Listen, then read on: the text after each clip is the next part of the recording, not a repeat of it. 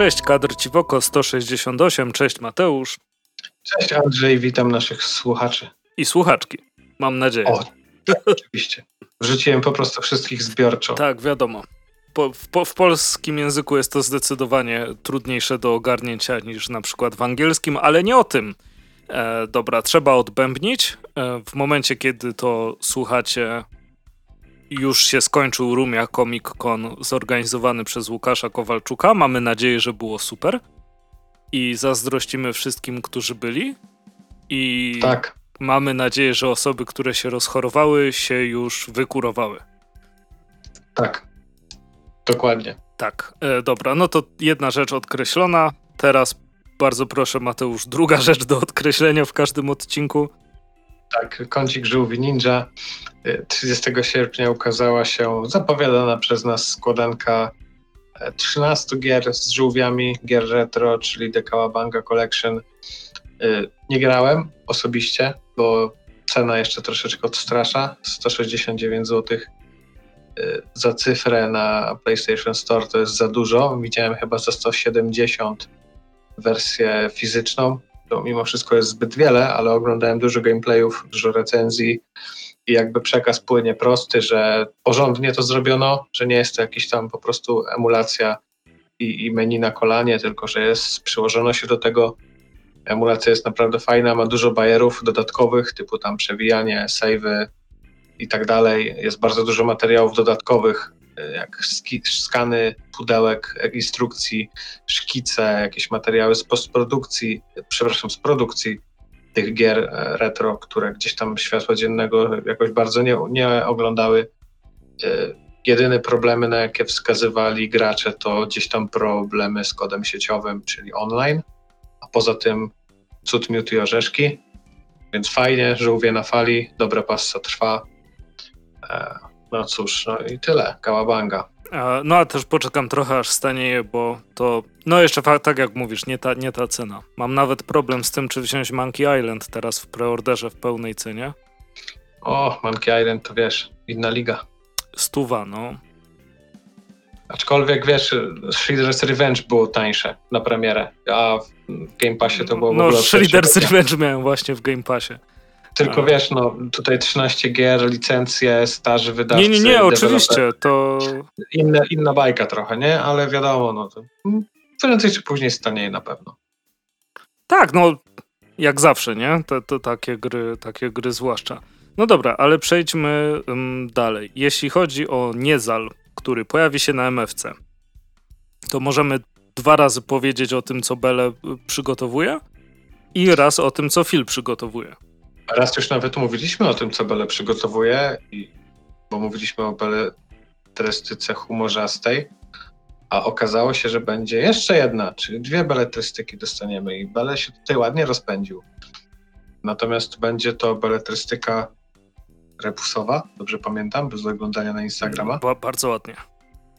No, więc tak, więc dwie beletrystyki, więc super bo są to, to już jest taki cykl zinów, który jest całkiem udany, zabawny i warto śledzić.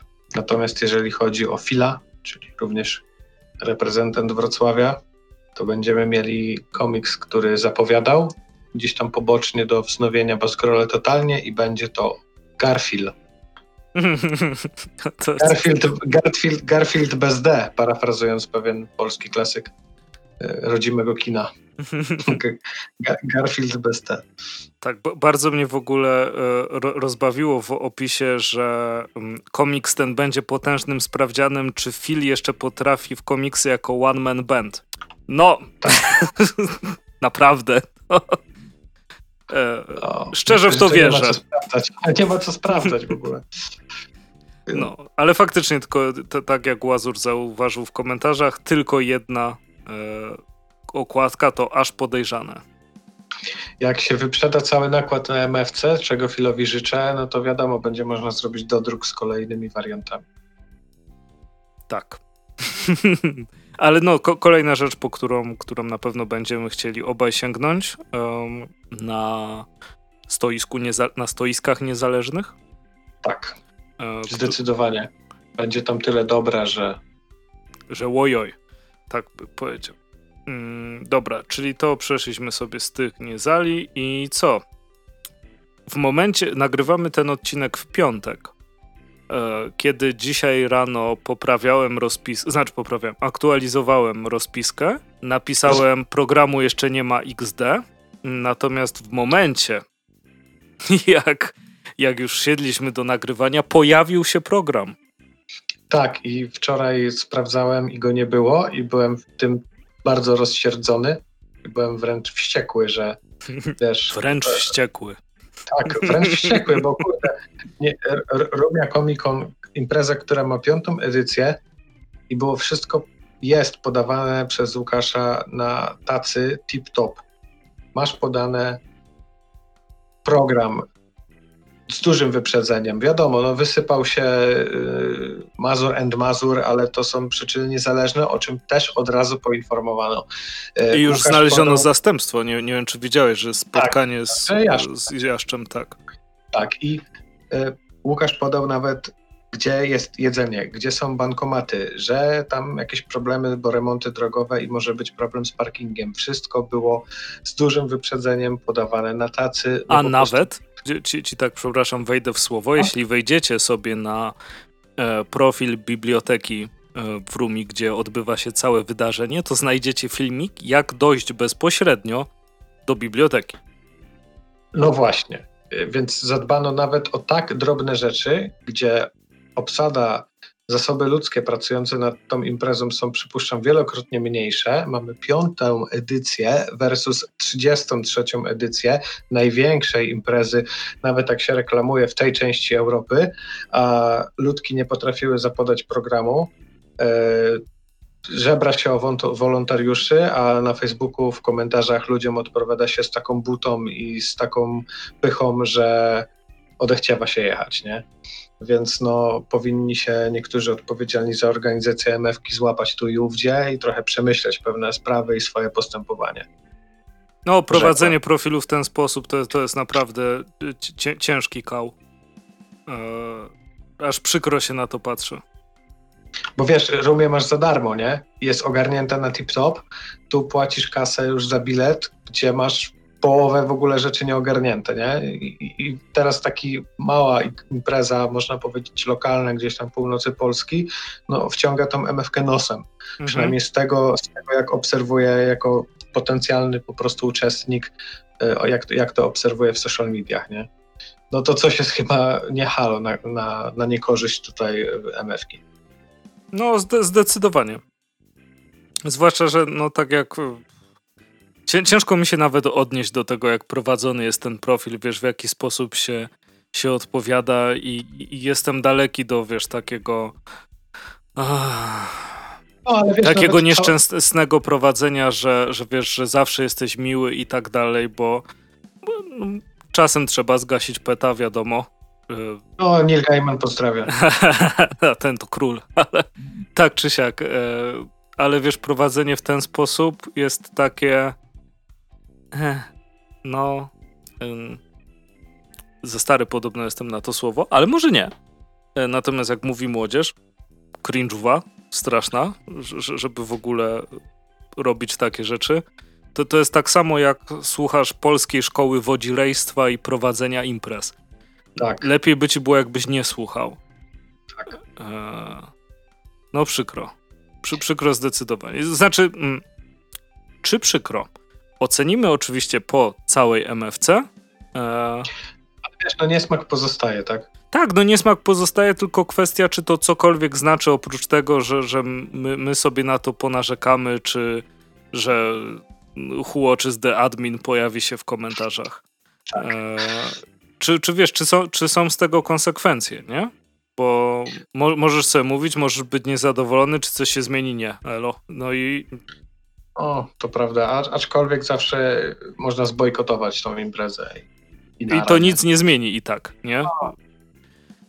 No, ale to, to nie, nie, nie o to chodzi. Przejdźmy, przejdźmy do tego e, programu. E, I w ogóle powiem ci, człowieku, że podstawowa rzecz, którą przeoczyłem, to że tam na górze trzeba zmienić sobie sobota, niedziela. Więc przejrzałem no, tak. na razie tylko sobotę. Jest jeszcze zakładka wystawy. A tak, i te wystawy są w ogóle płatne, nie? Nie wiem nawet. Tak, są płatne. Aha, czyli poza biletem jeszcze płacisz za wejście na wystawę. Znaczy nie wiem, które, ale było, że coś, że po 5 zł są. Aha, ale one są długo, bo są do listopada, więc... y, Tak, uważaj, bo pojadę do Łodzi specjalnie na tą wystawę. To, Ty nie, ale wiesz, jak ktoś no, ktoś jest z Łodzi albo blisko, to oczywiście. albo często wpada, no to, no to może sobie odpuścić na MFC, bo wie, że wpadnie później, nie? Tak. Jak ja, jak ja na przykład, przypuszczam, będę w sobotę tylko przez kilka godzin, no to sobie odpuszczę raczej wystawy na rzecz tam jakiegoś spotkania czy czegoś w tym stylu. Zależy, kto przyjeżdża z jaką intencją. Mhm, mhm. Są, myślę, punkty tego programu, które są No. dla mnie obowiązkowe. Są, które są naprawdę interesujące, są takie, które byłyby super i poszedłbym, ale mam inne, które wydają mi się jeszcze ciekawsze, a są takie, które są dla mnie totalnie anonimowe, ale widać też duże rozstrzelenie, że no wiadomo, że ja się pewnymi rzeczami interesuję bardziej, pewnymi mniej, a w innych jestem zielony, tak? Ale jest mnóstwo osób, które mają na odwrót. Więc no, wyświechtana kwestia, każdy znajdzie coś dla siebie. Jest jeszcze trochę czasu, żeby sobie to rozłożyć, jakby taką czasówkę zrobić. Pewnie sobie w Excelu rozłożę, żebym wiedział, co mi się Tak. zazębia i z czego muszę zrezygnować. Rozkład jazdy sobie zrobić, Tak. po prostu swój indywidualny. Tak jak sobie obiecałem, nie wiem, czy mówiłem to w odcinku, e, czy komuś prywatnie, więc powiem jeszcze raz najwyżej, to nie pierwszy raz. E, chciałbym zahaczyć o jak najwięcej rzeczy, które e, festiwal oferuje, żeby mieć czystsze sumienie przy krytykowaniu. Jeśli... Tysiąc powodów do czepiania się. Y, Cztery. E, jeśli. e, No, no po prostu wiesz, je, jeśli spędzę cały na tym, co jest w sumie najprzyjemniejsze, czyli na spotkaniach z ludźmi i, i pogadaniu sobie, to też trzeba wziąć pod uwagę, że to zajmie dużo czasu. Tak, Mm, zdecydowanie. No widzisz, i to jest, to, to, to jest rzecz do rozkminienia. Trzeba, trzeba sobie zrobić czasówkę, kiedy, kiedy co. Kiedy co można zrobić. I powiedzieć komuś, dobra, stary, kończymy gadać, bo idę gdzieś tam Tak. na, na spotkanie. I, I wiesz, co godzina budzik ustawiony w telefonie, Tak, nie? tak, Z tak. innym podpisem.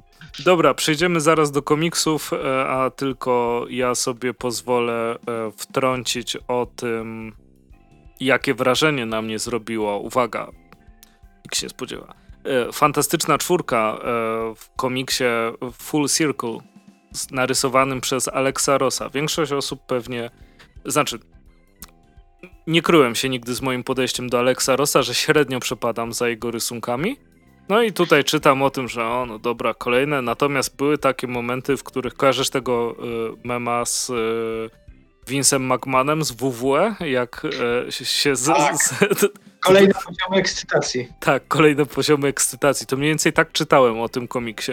Na początku było, że o, że fantastyczna czwórka, myślę, no, no dobra, okej. Alex Ross myślę, e, okej. No i potem, że jako hołd dla Kirby'ego i to już jest ho, a potem, że Alex Ross wychodzi ze swojej strefy komfortu i e, nie jest to do końca w jego takim super klasycznym stylu, bo robił też ołówek, robił tusz i kolorował. Myślę sobie, o, to ciekawe jak to będzie wyglądało. Jak to zobaczyłem. Rany bo ja- to. Zobaczyłem i wiesz, co powiedziałem. Kurde, Alex, dlaczego nie robiłeś tak od początku? Nie, na, naprawdę kosmicznie to wygląda. E, Z tego, co tam jeszcze wyczytałem w wywiadzie z Aleksem Rossem, e, było, że to, to jest właśnie dla niego taki hołd i dla tych takich tripowych, kwasowych czasów e, w, w komiksie. Hołd dla Jacka Kirby'ego oczywiście e, i bardzo e, dużym dużą inspiracją był e, 51 zeszyt Fantastycznej Czwórki. On tworzony był przez Stana Lee i Jacka Kirby'ego. E, I ten zeszyt się nazywał e, This Man, This Monster. Na szczęście autorzy tam, do, do, znaczy autorzy wywiadu dołączyli o czym był ten zeszyt, bo nie znałem go oczywiście, e, jak to komiksów z lat 60. o fantastycznej czwórce. Mm, To było w ten sposób, że ktoś tam e, zabiera moc e, Fingowi, przez co Fing staje się człowiekiem, a tamten gość staje się Defingiem i tamten chce się podszyć e, i e, tam zabić Richardsa. Natomiast oczywiście to się nie udaje, natomiast Ben uważa, że z powrotem wygląda jak człowiek, więc idzie do, do tej swojej dziewczyny się oświadczyć i w tym momencie, kiedy puka, tamten gość ginie i moc wraca do Bena, staje się Fingiem i ucieka. W tym komiksie pierwszy raz się pojawia. Przekręcam nazwę teraz oficjalnie, możecie pisać w komentarzach, że, że ją przekręciłem, bo nie wiem, pamiętam, czy strefa negatywna była w DC, czy w, Fantas- czy w Marvelu. Negative Zone. W Marvelu chyba. Ty nie wiem. no właśnie. Gdybyś mnie pytał przed odcinkiem, to bym ci odpowiedział bezbłędnie, ale że zasiałeś we mnie to ziarno niepewności. Tak, tak, tak se tłumacz. po prostu. To wszystko brzmi tak samo. Kapitan Marvel, Kapitan Marvel. E, tak czy siak, e, to się pojawiało pierwszy raz w tamtym komiksie i w tym komiksie Alexa Rosa nie będzie no. mocno eksploatowane. E, eksplorowane Marvel. Marvel, tak? Tak. Okej, okay, dziękuję w takim razie za, za utwierdzenie mnie. Eksploatowane to złe słowo. Chodziło mi oczywiście o eksplorowane. E, I to jest pierwszy raz od dawna, kiedy mam ochotę kupić komiks z fantastyczną czwórką. Natomiast mam serdeczną prośbę dla każdej osoby, która nas słucha i zna się na fantastycznej czwórce, albo nawet się nie zna, ale czytała coś mega fajnego z fantastyczną czwórką, żeby mi to polecić w komentarzu, bo, bo chętnie bym coś mm, poznał.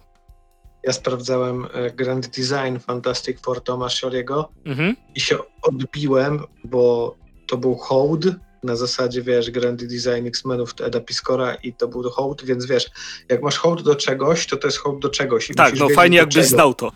Plus y, momentami tam jest taka ilość kadrów na stronie, nawet po 18-19 i jeden kadr wielkości znaczka pocztowego, bo tam w pewnym momencie leciała taka przekrojówka przez te wszystkie lata fantastycznej czwórki, wiesz, 50, 60, 70 i po prostu odbiłem się od tego, aczkolwiek zdaję sobie sprawę, że, że, że fani mieli ucztę.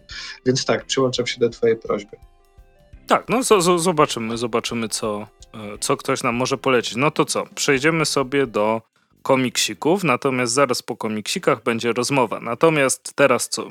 Polski Dziki Zachód, Mateusz. Tak, i Binio, Bill i w zasadzie dwa komiksy, które chcę dzisiaj e, omówić, to są dwa komiksy, których lektura przyniosła mi bardzo dużo radości, chociaż są, są to komiksy z zupełnie innego bieguna komiksowego. E, Binio Bill e, Integral, który wydała Kultura Gniewu w sierpniu. E, bardzo długo na niego czekałem dlatego że on był już dosyć dawno zapowiedziany. Pamiętam, że jeszcze wtedy miałem aktywne konto na Facebooku i gdzieś tam się pierwsze zapowiedzi już pojawiały. E, poprzednie pięć tomów e, takich pojedynczych albumów były, dalej są i fajnie, że to jest dostępne, ale czekałem na ten integral, który łącznie zawiera w sumie dziewięć, e, dziewięć opowieści. I w zasadzie Binio Bill sięga jeszcze z samego początku lat 80. świata młodych. E, gdzie, gdzie ukazywał się e, Binio Bill autorstwa Jerzego Wróblewskiego, więc tak naprawdę nie wiem, czy mój ojciec to czytał, pewnie nie, ale mógłby. E, czytam to ja. I... Jak z wyrzutem, ale mógłby. No, no, jeżeli nie czytał, to mógłby, no bo to się ukazywało w tamtych latach, kiedy on był w moim wieku i mógł to czytać. Ja to teraz mogę czytać i prawdopodobnie moje dzieci będą to mogły czytać. Zresztą jest to wydane w imprincie Krótkie Gadki, więc dedykowanym dla dzieci swoją drogą chyba największy i najcięższy tom z krótkich gadek, ale nie dam sobie za to nic obciąć. E, więc jest to taki komiks powiedzmy no międzypokoleniowy i to są duże słowa, ale taka jest prawda. I tak samo jak on bawił naszych tam powiedzmy przodków, przodków, poprzedników, e, bawi tak samo dzisiaj i tak samo będzie bawił za kilka lat, bo to datuje takim uniwersalnym humorem. Tak jak wspomniałeś, jest to taki trochę Dziki Zachód po naszemu. Jest to taki trochę nasz e, rodzimy Lucky Luke, ale też nie do końca. Trzeba oddać Biniowi co, co Biniowe, że, że ma też swoją tożsamość, swój charakter, swój, swój taki nasz trochę humor. E, jest naprawdę super. I to jest świetna lektura. Dzięki temu, że zbiera dziewięć opowieści, to wiesz, no nie musisz tego czytać za jednym razem. Widać, że autorzy a poza tym, że Jerzy Wróblewski jest tutaj głównym twórcą, to mamy tutaj całą masę osób, które pracowały przy tym integralu, bo e, całe opracowanie graficzne, projekt okładki Tomasz Lew-Leśniak, redakcja e, Maciej Jasiński. E, później tam jest to opisane w dodatkach w tym komiksie, jest cały szereg procesu, jak to się mówi, odnawiania tych plansz, reko, rekonstrukcji.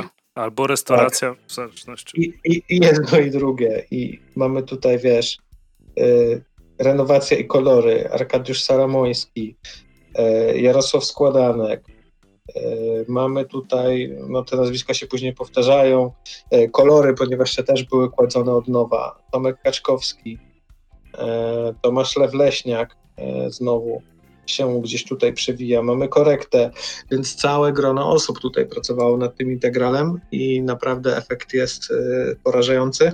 To jest klasyk polskiego komiksu w wydaniu na jakie zasługiwał.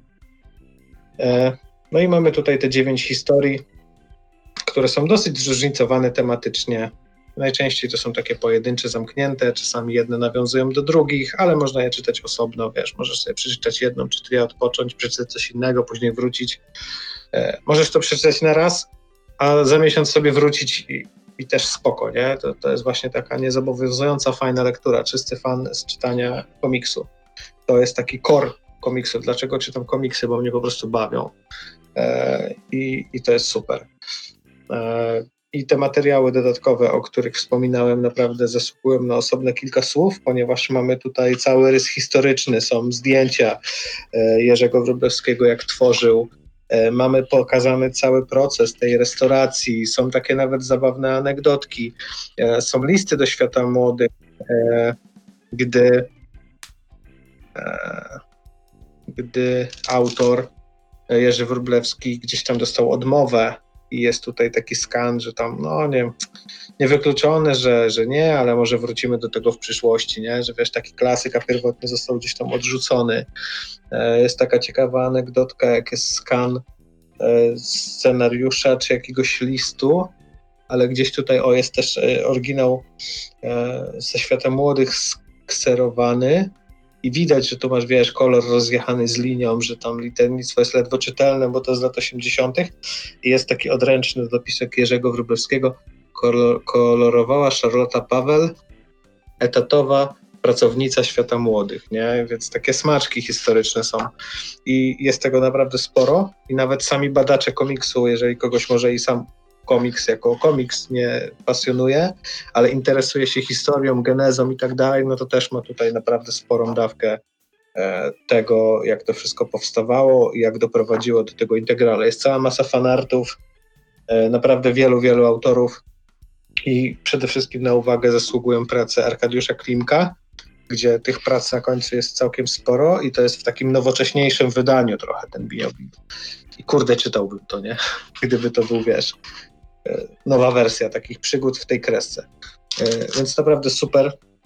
Mm, okładkowo 149,90 wiadomo, że gdzieś tam w dyskontach czy na gildii taniej i naprawdę warto każda e, z tych złotówek jest tego warta, bo to jest naprawdę kawał porządnego komiksu, polskiego klasyka. E, no i co tu dużo więcej mówić, polecam, bo to jest naprawdę wspaniała rzecz. Szczególnie, że ja też lubię ogólnie westerny, więc to już w ogóle jestem kupiony, nie?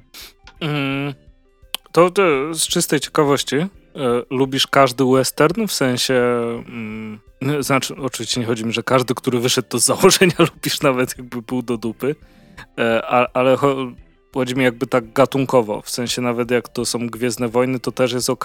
Po prostu ten klimat no. lubisz, że jest ten dobry, ten zły i jakaś potyczka? Coś w tym jest, że chyba tak. Okej, okay. no czysta, czysta ciekawość, bo to też, też mam sentyment do tego. E, no wiadomo, westerny ja się trochę przeterminowały, jeśli chodzi o tak, bo to jest wrażliwość. Specyficzny, specyficzny też wycinek z historii, nie? Ale, ale też te właśnie klimaty, nie? Konie, kowboje, wiesz, mhm. te, te nieodkryte tereny i tak dalej. E, jednak wciąż, wciąż jest zabawne. No, no, no, powiedz proszę. Brak tych nowinek technologicznych i, i, taka przygoda, wiesz, to, to, to jednak ma w sobie coś takiego pociągającego. Spalone słońcem piaski i tak dalej. tak. Chociaż niestety no, trzecia część powrotu do przyszłości oceniana najsłabiej. Jak, jakby nie patrzeć. Mnie cały czas bawi, jak myślę o westernie, to fakt, że ten cały okres w historii Stanów Zjednoczonych trwał jakieś 20-30 lat. Tak, a jest tak rozwleczony. A jest tak rozdmuchany, że gdybyś to wszystko ze sobą złączył, to by wyglądało, że tam jest co najmniej 200. Tak, tak, a, a potem zaczynasz się zastanawiać, jakim cudem ci wszyscy rewolwerowcy się znali, nie? No, być no może. O, przezabawne to jest. No dobra, jesteś... A, nie, nie, nie wypadaj mi z rąk, nie wypadło mi z rąk. Wspaniale. E, przechodzimy teraz do pozycji, która nie do końca jest komiksem, natomiast może zainteresować potencjalnych komiksiarzy, ziniarzy, ziniary i tak dalej.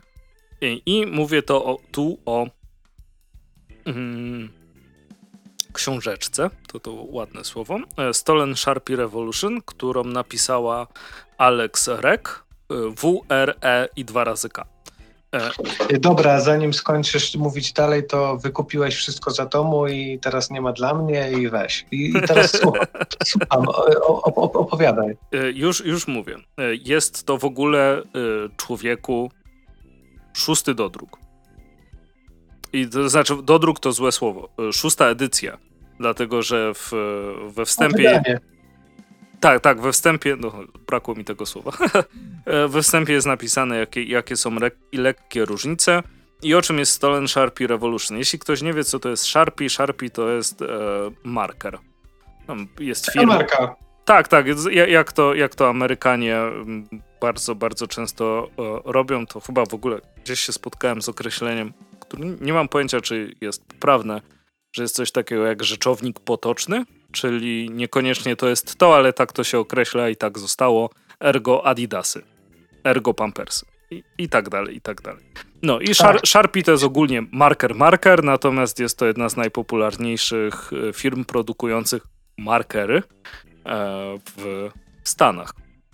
I kiedyś pamiętam, że widziałem jakieś zdjęcia z planu filmowego. Na planach filmowych bardzo często jak masz marker, to ktoś ci go ukradnie ale jest na to sposób, ponieważ Sharpie można kupić w różnych kolorach. Więc kupujesz sobie czarnego Sharpiego, czyli najlepszy, jaki potrzebujesz, oraz żółtego Sharpiego, czyli najgorszy, jaki kiedykolwiek w ogóle żółty marker człowieku. Jak nie ma tam farby akrylowej, to zakreślacz i podmieniasz końcówki, bo Sharpie się zaznacza końcówkami. I wtedy ktoś myśli, żółty Sharpie, po co mi on? A to był ten dobry. Live, hack na dzisiaj. Jakim Aczkolwiek no. u nas też są one popularne. Ja mam zawsze przy sobie, bo mam w plecaku czerwonego szarpiego. A szarpiego, szarpiego, tak? Tak, tak. O, czerwonego. Hmm, hmm. No bo najbardziej się odznacza, jak coś potrzebujesz zaznaczyć i tak dalej. Tak, no do zaznaczenia to zde zde zdecydowanie. E do innych zastosowań, natomiast jakby ktoś kiedyś miał potrzebę, to bardzo fajne są metalheady z Groga. To jest taki marker, to jest dużo powiedziane. Taka tubka z farbą, która na końcu ma metalową kulkę. Więc jesteście w stanie pisać po wszystkim, łącznie z zardzewian... Jejku, jak to się odmienia? Łącznie z rzeczami, które już zardzewiały. Zardzewiałymi. Mi, o tak, dokładnie. Jej, Boże, co to było, Andrzej? Coś miałeś jakiś po prostu pierd w mózgu. O, przepraszam za to. E, tak, możecie nawet pisać po rzeczach, które są już zardzewiałe. E, jest ekstra fajny i ma mega spoko, dużo kolorów. tak, wracając do Stolen Sharpie Revolution. Mm, jeśli jest to podręcznik zinowy, można powiedzieć, taki bardzo, bardzo przystępny. Mm, mam do niego... Uwaga, to jest złe słowo. E, nie cały jest przydatny w Polsce tak bym, tak bym to określił. Pierwsze, co się zastanawiałem, oczywiście, to czy. Znaczy, po pierwsze, jest, był super tani w promocji z okazji urodzin Atomu, wszystkiego najlepszego Atom Comics. E, był ekstremalnie tani, nie, nie, pamiętam ile, 20 zł kosztował czy coś takiego. E, cena na okładce to jest 10 dolarów. E, I jak się zastanawiałem właśnie o takim podręczniku, jak będzie o papierze, to sobie myślę, o znowu Amerykanie mi pewnie wepchną te, ten swój letter size, którego nikt oprócz nich nie używa, a podobno Filipińczycy z jakiegoś powodu, e, nikt nie używa tego formatu papieru, nie jak A4, najlepszy papier, wiadomo. Mm, natomiast jest też w A4 tutaj opisane wszystko, więc tą podstawową wiedzę ze składania możecie sobie bez, bezpośrednio użyć. E, jest dużo bardzo fajnych rad, jest zresztą bardzo czytelny. ciężko się spodziewać czegoś innego po osobie, która wydała mnóstwo zinów e, i pisze o robieniu tych zinów. Bardzo dużo fajnych porad w stylu, jeśli będziecie odbijać na ksero, e, to i robili czarno-białe ziny, bo wiadomo tańsze, to e, spróbujcie w jakieś halftony prze, przycisnąć ilustrację przez to, że zadbajcie o to, żeby był bardzo dobry kontrast, bo będzie nieczytelny za, za którymś razem tak naprawdę e, na ksero. Dużo pomysłów na mm, jakieś eksperymenty, można powiedzieć. E, na, na przykład, żeby, żeby skserować ksero, trochę przesuwając i w ten sposób stworzyć na przykład tło, na które będziecie mogli nałożyć białe kawałki papieru i na tych, na tych kawałkach coś, coś napisać. E, czy też o tym, że jeśli, e, oczywiście jeśli drukujecie w, w halftonie, w tych takich kropkach, można powiedzieć? Jak w kropkach, to w kropkach. One są tam jeszcze w różnych, w różnych innych formatach. E, natomiast, że jeśli drukujecie w halfton, to wychodzi w porządku, ale skanowanie halftonu powoduje jako jakieś zmiany w tym. Nigdy nie próbowałem skanować czegoś, co jest tak wydrukowane, ale teraz mnie to kusi. Więc sprawdzę i dam znać na naszym Instagramie. Wiesz, trzeba eksperymentować, nie? Tak, i tutaj jest bar bardzo, bardzo dużo zachęt do tego, e, bardzo dużo ważnych informacji, które powinny powtarzać pani na plastyce, panie na plastyce albo panowie na plastyce. Nie wiem, nigdy nie miałem nauczyciela plastyki, e, których nie powtarzają. Jak na przykład, jeśli ktoś odrzuca twojego zina, nie oznacza, że odrzuca ciebie. Tak. E, dużo tak. rzeczy o myśleniu, dużo o tym, żeby się dobrze bawić. Myślę, że to też e, spokojnie też patrząc na recenzje, które, które znalazłem o tej książeczce, że ktoś wykorzystuje w szkole jako podręcznik dla dzieciaków, żeby razem robić na zajęciach ziny. Myślę, że dużo tu jest właśnie takiej fajnej wiedzy. E, jest trochę dzielenia się mm, takimi praktycznymi umiejętnościami. To, co myślę, że najbardziej może się przydać, to jest jak zaprojektować, e, tutaj to jest określone jako flat page, czyli jeśli bierzesz mm, kartkę A4, to która strona będzie pierwsza, która, no, no po prostu skład, skład dokumentu, łamanie w, w momencie jak to będzie wyglądało e, złożone, a żeby zaprojektować to wcześniej, zanim puścicie to przez Xero. E, I też e, bardzo fajne było zaprojektowanie tego na większej planszy, żeby zrobić mniejszą. Czyli żeby na przykład tam z A3 zrobić A5, czyli zaprojektować w sumie cztery strony na jednej stronie. Bo mniej, mniej na Xero wyda mniej na Xero wydacie, później trzeba tylko pociąć. No tak, je, jest takich patentów też trochę. E, no i opisane też o one-page zinach, e, jak można to zrobić i tak dalej, e, w jaki sposób można łączyć ziny, o, o strzywaczach, o tym, że jeśli ten strzywacz kosztuje 100, tam było, że 30 do 45 dolarów, ten z takim długim ramieniem. Ja, ja w Polsce kupiłem za 50 zł, więc i nie wiem ile w Stanach one kosztują e, ta, tak naprawdę i to tam było napisane, że jak znajdziesz inne osoby, które też chcą robić ziny, to e, to, to spoko, to, to wtedy się opłaca, a tak to mo może warto znaleźć inny sposób, o tym jak strzyć za pomocą sznurka, też oczywiście, że wszystko może być sznurkiem. Jest tam wspomniane o tym, że, że ktoś robił ziny, które były zszywane za pomocą taśmy magnetofonowej. To też bardzo punkowe mi się wydaje. O człowieku. No w sumie ciężko jest to rozerwać. Powiem ci, że z tego co mówisz, to mocno klimaty wjeżdżają lat 90., nie? Kiedy wiesz, Prosiak wydawał swoje pierwsze ziny i to królowało, bo nie było internetu. Tak. I w taki sposób się to po prostu dystrybuowało, nie? Ale przecież to nie umarło, można to robić dalej dzisiaj. No nie, nie, nie, nie umarło. Zmieniło się metody i może wszyscy poszli w te nowoczesne, ale przecież te stare metody dalej istnieją, nie? Dlaczego mhm. by ich dzisiaj nie wykorzystać? Tak, dokładnie. I tu na, nawet e, czwarta strona okładki to jest piękna, wielka konika Minolta i napisane copy and destroy. E, więc też, te, żeby, żeby się nie przywiązywać, o tu stary mam super papier i, i, i nie, nie, nie wiadomo co. Jest opisane trochę o narzędziach, jak do tego podejść i to, to jest bardzo fajna i treść, to nie jest nic odkrywczego, ale jest to poukładane. Więc i tak uważam, że warto to przeczytać, nawet jeśli ktoś ma o tym pojęcie. E, a teraz przejdę do, tej, do, do, tego momentu, w którym uważam, że nie jest to aż tak przydatne. Ja też oczywiście jedyną sferę zinową, jaką znam, to jest sfera komiksowa oraz, no, zaryzykuję stwierdzenie, że trochę RPGowa. Natomiast nie mam pojęcia o artzinach, nie mam pojęcia o punkowych zinach i o całej, całej tej reszcie. Właściwie znajdź sobie tematykę dodaj do tego zin, prawdopodobnie istnieje. A, tu jest dużo o distro, czyli o e, tym skrócie do dystrybutorów, o tym jak zostać dystrybutorem zinów, o tym jak wysyłać do takich dystrybutorów, gdzie znaleźć takich dystrybutorów. To są stricte amerykańskie informacje, niekoniecznie mogą nas dotyczyć, natomiast jest tu, e, można powiedzieć, cały rozdział poświęcony temu, jak promować zina, jak organizować zinfesty, jak być na zinfestach i tak dalej. I z tego nawet jeśli z początku można pomyśleć, o to dotyczy Amerykanów, oni tam mają to inaczej rozwinięte, my tego nie mamy.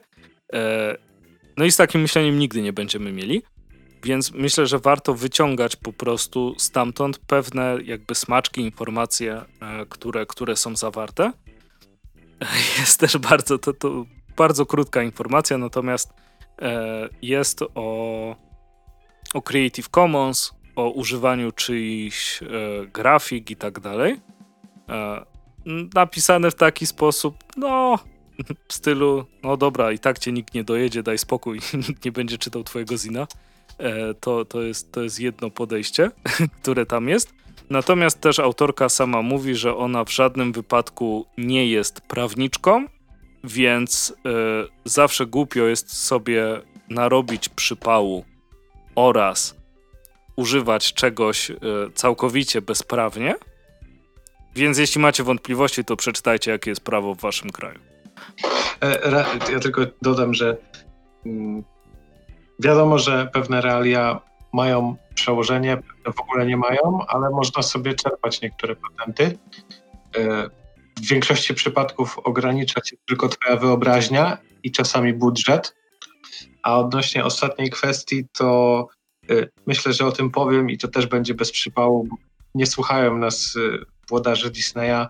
Nie wiem, czy wiesz, ale Daniel Warren Johnson na przykład zrobił takiego zinka, bo to jest, wiesz, narysowany przez niego krótki komiks wydrukowany własnym sumptem. Old Man Skywalker, chyba tak się nazywa. Czyli wiesz, taka wariacja na temat Old Man Logan, tylko że no, no, no. Z, Luke'em, z, z Luke'em Skywalkerem. I nie sprzedaje go oficjalnie na swojej stronie internetowej, oficjalnie tego nie dystrybuuje, bo właśnie ze względu na to, żeby się tam prawnicy Disneya odczepili, ale jak jest na jakimś konwencie i tak dalej, to sprzedaje. Mhm. Gdzie wiesz, gość pracował dla Marvela, nie? I, i, i to w szkodzie miał zajawkę, narysował i sobie gdzieś tam dystrybuuje, nie? No, no i widzisz, dla mnie spoko. E, ale to też jest bardzo grząski grunt, nie? Tak samo jak... E, jasne. No nie, nie tak samo, ale e, przy sztucznej inteligencji to jest bardzo grząski grunt, bo ona korzysta z obrazków, które już, już są, nie? Więc to jest tak naprawdę... Wchodzisz na grunt pod tytułem temat na rozmowę na cały odcinek. Tak, i te, temat na rozmowę na cały odcinek z kimś, kto jest mądrzejszy od nas. E, bo to, to, to, to jest rzecz, która jest jakimś po prostu, moim zdaniem, prawnym bagnem. E, tak. I jakbym był sobie prawnikiem, który myśli, o dobra, wiem wszystko o, o, tam własności intelektualnej i mi człowieku wdupią Mid Journey po prostu w pracę. Wiesz, możesz e, mieć wszystko w prawie w małym palcu, ale nie wiesz nawet promila tego, jak działają te algorytmy i programowanie, nie? Tak, I nie wiesz, czy ci na przykład nie, nie podbiera czegoś, że ktoś cię potem pozwie. Masakra. Współczuję osobom, które się teraz tym będą zajmowały, zwłaszcza, że znając ludzkość, to się zachłyśnie tym. Eee, no dobra, ale to rzeczywiście jest, jest, jest temat na cały, cały odcinek.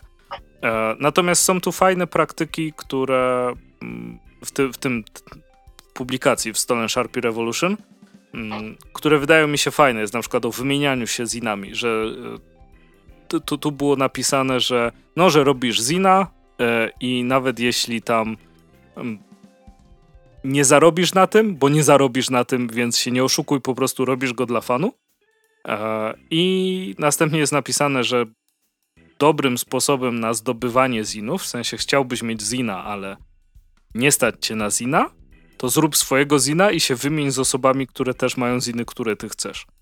I to wiem, że tak hulało w latach 90. grubo. Bo tam w ogóle nakłady były, wiesz, kosmiczne, nie? I, I wiem, że to tak też na tych giełdach działało, wiesz. No nie było internetu, nie mogłeś tego wystawić na gildię, nie? Mhm. E, po prostu szedłeś na giełdę, sprzedawałeś i wymieniałeś. I, i, I to tak działało. Może by znowu mogło tak działać. A może nadal tak działa, a my o tym nie wiemy.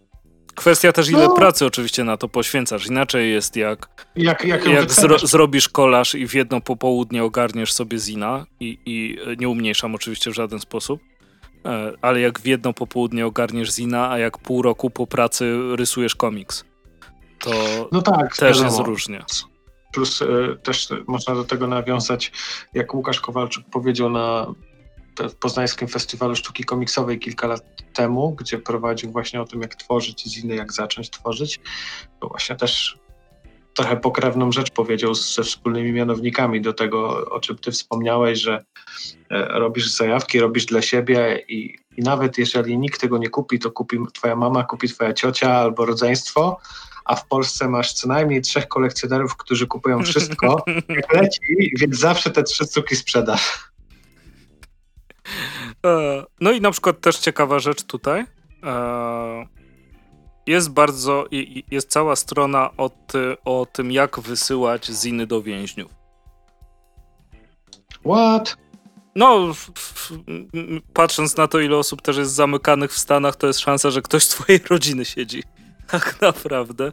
To jest masakra człowieku. To przeludnienie ich więzień, plus te wszystkie jakby moralne problemy z tą e, pracą Oj, to niewolniczą, to, to, to by było w ogóle po pierwsze na mądrzejsze osoby e, i to na co najmniej jeden odcinek.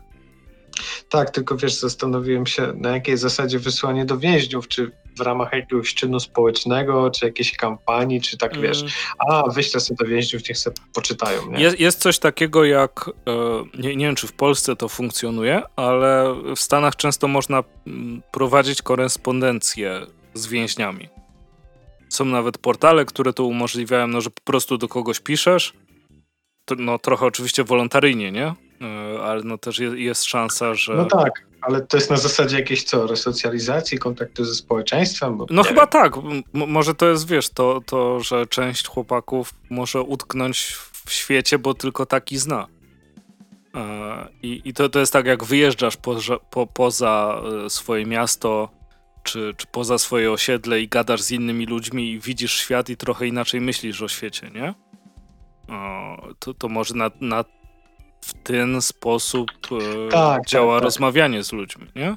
Resocjalizacja tak, to, to, też, to też w ogóle dla osób mądrzejszych od nas. Tak, i to też jest, wiesz, temat, który zupełnie inaczej wygląda tam, zupełnie inaczej wygląda u nas, inne środowisko, inne w ogóle realia.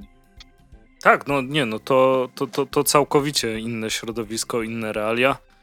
Eee, no myślę, że wszędzie jest ciężko, nie? Ale to też ciekawe, że kwestia jak u nas można wysłać. Jak pracowałem w sklepie z grami, czasem e, przerabialiśmy, to brzmi bardzo dwuznacznie. E, serwis, z którym współpracowaliśmy, prowadził taką mm, usługę, jak zabezpieczanie konsol do zakładów karnych. I to ogólnie bardzo często to się różniło między zakładami karnymi, jak taka konsola miała wyglądać. Natomiast e, wszystko musiało być zapieczętowane. Moduł Wi-Fi miał być odcięty. E, coś jeszcze tam było? Zaślepione porty USB. Zaślepiony LAN. Coś jeszcze tam było. Znaczy, sporo tych, tych rzeczy było, było modyfikowanych, no wiadomo, a później się wystawiało certyfikat, że to zostało. Aha, jak że to jest. Tak, no. jak szukałem w necie, to w ogóle e, chyba amerykańskie, amerykańskie zdjęcie znalazłem, że konsola trafiająca do, do jakiegoś tam więzienia czy zakładu karnego e, miała obudowę zmienianą na przezroczystą, żeby było wiadomo, że nic w środku nie ma. O, to już są takie, wiesz, myczki. No, no ale tak ta, ta, ta, ta, tak czy siak. Pojęcia, nie? Ciekawe, czy są na przykład więzienne biblioteki można coś wysłać, to jest dobry temat do rozkminy. Popytam. Tak, tylko, tylko o, nie chcę się tu uzewnętrzniać, ale znalazłbym, wiesz, 15 bardziej potrzebujących bibliotek niż ta więzienna. Być może tak, natomiast jak zrobisz to na ksero, to co ci zależy? To jest... No, swoją drogą. I, i, i wiesz, nakład tysiąc egzemplarzy mm. możesz powiedzieć, że cały zszedł. Kiedyś widziałem grafikę, że dobrym sposobem, jak nie wiesz jak zrobić zina, jest znaleźć pracę, która ma ksero, wydrukować zina po pracy i zwolnić się z pracy. To wyższy poziom kombinatorstwa. Ale możliwy do uzyskania. W dzisiejszych cenach papieru. Tak, no, w dzisiejszych cenach papieru. Ciekawe tylko, czy na przykład musisz, yy, że na przykład komp ci rejestruje, co drukujesz. Albo czy no, musisz jest, się jest to, odpikać przy kserze. Jest to technicznie do zrobienia, a odpikiwanie się przy kserze to już tak powszechne bardzo. To kiedyś mogło działać w takim razie. Tak czy siak, e, mnóstwo dygresji, ale Stolen Sharpie Revolution myślę, że warto sprawdzić, jeśli znajdziecie w. Gadanie o zinach zawsze spoko. Tak. E, I tak. Mam nadzieję, że to też nie ostatni raz, kiedy takie podręcznikowe rzeczy e, pojawiają się u nas w podcaście. To w sumie nie, miało myślę, być koniec zdania, ale jakoś nie wymierzyłem z intonacją nie. na to. Myślę, że na pewno. Jeżeli sami trafimy na jakieś ciekawe podręczniki czy narzędzie, to, to na pewno będziemy o nich mówić, bo, bo zwyczajnie warto. Tak. To, to powiedz mi teraz, proszę, co w Departamencie Prawdy tom drugi? Tak, w Departamencie Prawdy tom drugi o podtytule Miasto na Wzgórzu yy, dalej jest dobrze i dalej jest bardzo dobrze.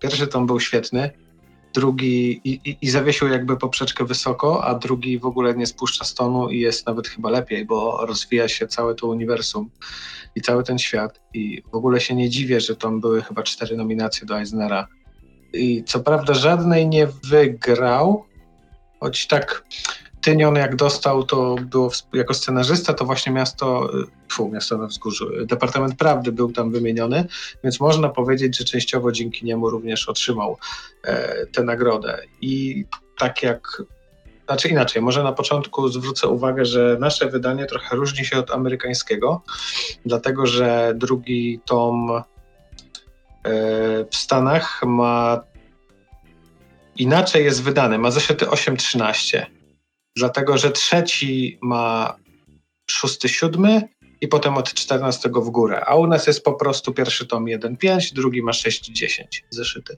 Ale ja czytając polskie, polskie wydanie od Nonstop nie zauważyłem tutaj jakiegoś, wiesz, cięcia w fabule. Nie wiem dlaczego tak to w Stanach poukładali.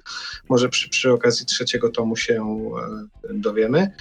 E, natomiast e, jest już zapowiedziany czwarty tom 30 listopada, u nas jest drugi, więc nie jesteśmy jakoś bardzo opóźnieni. Jest to w miarę świeża seria, jest to bardzo dobra seria i uważam, że jeden z lepszych komiksów, jakie jest w tej chwili u nas wydawany. I naprawdę, tak jak bawiłem się przy Binobilu, tak tutaj się bawiłem, choć jest to bardzo inny, bardzo inny. Zupełnie inny rodzaj rozrywki, e, zupełnie inna tematyka. E, tutaj mamy te teorie spiskowe, jest to taki bardziej political fiction, thriller, trochę takie archiwum Mixa, ale jakby nie do końca. Mm. Zarys taki ogólny, fabularny, o czym jest Departament Prawdy, to już mówiłem e, przy okazji pierwszego tomu, czyli mamy tutaj właśnie tajny departament, który bada jakby wpływ teorii spiskowych na rzeczywistość, ponieważ jest jakby zbadana teoria, że gdy zbyt wielu ludzi zaczyna w jakąś teorię wierzyć, to ona się zaczyna realizować. I powstał departament, który ma z tym walczyć, ale to jest tak ogromny skrót, e, że powiedzieć tyle to jak powiedzieć nic, hmm. ale z drugiej strony mówić coś więcej, to szkoda odkrywać kartę, a najlepiej po prostu powiedzieć, że zachęcić do przeczytania samemu, bo naprawdę warto. E, I no tak, wszyscy fani political fiction, jakichś thrillerów, e, w teorii spiskowych, bo o dziwo wiem, że jest dużo ludzi, którzy niekoniecznie muszą wierzyć w teorie spiskowe, ale jakby czerpią radość z samego ich czytania i poznawania. To na zasadzie jakbyś sobie czytał pasty internetowe, nie?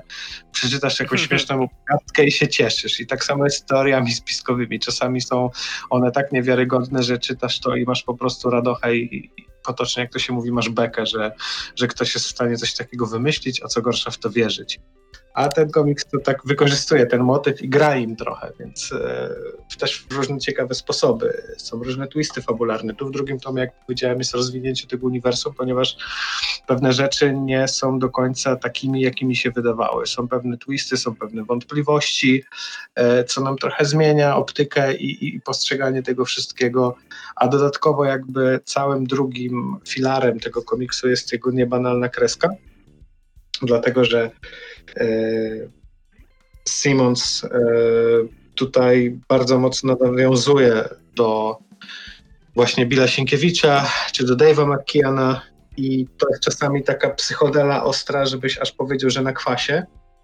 no ale też nie do końca, no bo masz jednak poważną historię, nie? I musisz lecieć z tą historią i z tym, żeby ona była czytelna. E, ale nadal e, jest tu pełno groteski, takiej psychodeli, są pewne rzeczy nieoczywiście pokazane, są kolaże, są różne techniki, czasami masz e, taką zmianę konkretną o 180 stopni stylu, ale to też niesie ze sobą jakiś cel. I trochę pop artu, różnych takich styli graficznych i jest to tak mieszanina dobra, że czasami nawet zamiast przeczytasz sobie ten komiks, poznasz fabułę, ale jeszcze sobie go drugi, trzeci, czwarty raz przejrzysz od początku do końca, żeby popatrzeć na detale. Mhm. I to jest super. E, aczkolwiek wiem, że nie każdemu taka stylistyka wizualna przypadnie do gustu, bo ona cię trochę może wytrącać z dialogów i z poznawania historii. I zamiast skupiać się na historii, ta kreska cię będzie rozpraszać. I wiem, że takie osoby na pewno mogą być. Przede wszystkim ten komiks wymaga dużo skupienia, ale trzeba mu powiedzmy, no może to trochę górnolotnie zabrzmi, ale trzeba mu dać trochę od siebie. Yy, ale on się odwdzięczy. I jest, po, poznajesz naprawdę niebanalną historię, która jest niebanalnie zrealizowana. Takich komiksów nie ma zbyt wiele i to czyni go pod tym względem unikalnym. I przy okazji jednym z lepszych. Mm -hmm. Więc, więc nie, nie, nie chcę tu za dużo mówić o historii. No, sam zarys powinien wam wystarczyć, nie? Yy, jest po prostu rozkminianie teorii foliarskich, spiskowych. No tak, to prawda. Ale strasznie mi się podoba to, co ty, ty, też wspomniałeś o tej szacie graficznej, że ona tak dobrze współgra z tematyką, bo ona też dla mnie sprawia wrażenie, że te rzeczy są tak hmm, poukrywane. Tak jak ta prawda, która tak, tutaj i dlatego jest. trzeba go potem jeszcze kilka razy przeglądać. No, no, no. no, no. E, i to jest naprawdę wymagająca lektura, ale mówię, no odwdzięcza się, odpłaca się, się czytelnikowi, jeżeli po prostu, ale, ale zdaję sobie sprawę, że to nie jest rzecz dla każdego, bo mm, przypuszczam, może być dużo grona osób, które się odbije. E, no po prostu tak jest i nie ma w tym nic złego. Ale, ale jest to naprawdę świetny komiks, jeżeli poświęcić mu trochę uwagi. E, i tyle. I co mogę powiedzieć? To czekam na więcej. Trzeci tom już w Stanach jest, ukazał się w kwietniu, czwarty będzie w listopadzie. Mam nadzieję, że Nonstop Comics tutaj y, będzie w miarę na bieżąco jechało, e, no bo to jest super rzecz. Mhm. I, i, I, nie zdziwiłbym się, gdyby powiedzmy gdzieś w jakiejś niedalekiej przyszłości ktoś zapowiedział na przykład serial, bo to też ma świetną, świetną. Gdyby tu dać dobrego reżysera, który miałby jakąś fajną wizję, e, na, na, na realizację tego, to mógłby być też naprawdę świetny serial. E, I, i trzymam za to kciuki, bo, bo dobra historia to jest dobra historia, bez względu na to, jakie masz medium. E, I tutaj Tynion, Tynion czwarty naprawdę leci, leci po prostu na szczytową formę. Zarówno jeżeli chodzi o Something, killing, e, something is Killing the Children, Boże, jaki to ma polski tytuł? Coś zabija dzieciak. Tak, i, i, i, zarówno jak chodzi o Departament Prawdy, to wydaje mi się, że James ma teraz, wiesz, time of your life. Mhm. E, Jest i, w piku, albo życzmy sobie, że dopiero osiągnie ten pik, to już w ogóle będzie jest kosmos. w prime, jest w prime i, i ten jego prime, prime time trzeba czerpać pełnymi garściami. E, naprawdę dobry komiks, jak ktoś chce przeczytać po prostu dobry komiks, no to Departament Prawdy jak najbardziej e, mogę polecić. Zwłaszcza, że wypełnia trochę taką dziurę, która została po Black Monday Murders na przykład dla mnie. Bo no. tamten komiks mi się strasznie podobał, a to... Ale się szybko skończył. No i się nie skończył. To, to też jest inna sprawa. E, a, a to no jest na bieżąco wydawane w, bez przerwy praktycznie. E, fajnie się czyta, fajnie jest napisane. No, nie, nie będę powtarzał po tobie, Mateusz. Ale chodziło no i... mi o to, że jeśli Black Monday Murders wam się podobało, to to też może się Wam spodobać. To, to w ciemno i jako, że to jest image, to tak samo jak było z Extremity, o którym mówiłem, możecie wejść na stronę image y, i pierwszy zeszyt departamentu też jest do przeczytania za darmola, tylko że po angielsku. No, ale wciąż. jest, Więc jest, możecie jest sobie podejrzeć tę kreskę i, i to liternictwo, te, te style graficzne wykorzystywane, wizualne i, i pierwszy zeszyt, który który w, w, zarzuca haczyk po prostu. Jak go łykniecie, to już dalej poleci z górki. Um, dobra, no to ja teraz przechodzę do zeszytu właśnie e, amerykańskiego, wydawanego przez Dark Horse'a. Jest to Survival Street. Przeczytałem sobie numer pierwszy i drugi. E, I tak, za tekstem e, stoi James Asmus i Jim e, Festante, natomiast narysował to Abilej E, hmm, hmm, hmm. Na pewno się nie czyta tego Abilej Kusainow, dlatego że rysownik jest Kazachem. Więc na pewno z, z, zangielszczyłem to imię. Tak czy siak bardzo fajny profil na Instagramie. Spoko ma tego Spidermana, jak sobie wejdziecie, możecie, możecie sprawdzić. Fajnie wygląda. Tutaj w komiksie wydaje mi się, że nie miał jeszcze okazji się aż tak popisać. E, natomiast w opowiadaniu takim graficznym, wizualnym jest, jest ok. Jest, jest wszystko poprawnie. Te rysunki są ładne, mają klimacik. E, kiedy to czytałem, czytałem cyfrowo, miałem, miałem nadzieję, że byłoby to wydane na takim naprawdę kiepskim papierze. Bo podbudowałoby to wtedy klimat dla mnie, dla mnie znacząco. Natomiast o czym jest Survival Street? Survival Street jest o świecie w niedalekiej przyszłości, e, kiedy korporacje przejmują już tak oficjalnie władzę nad, nad Stanami.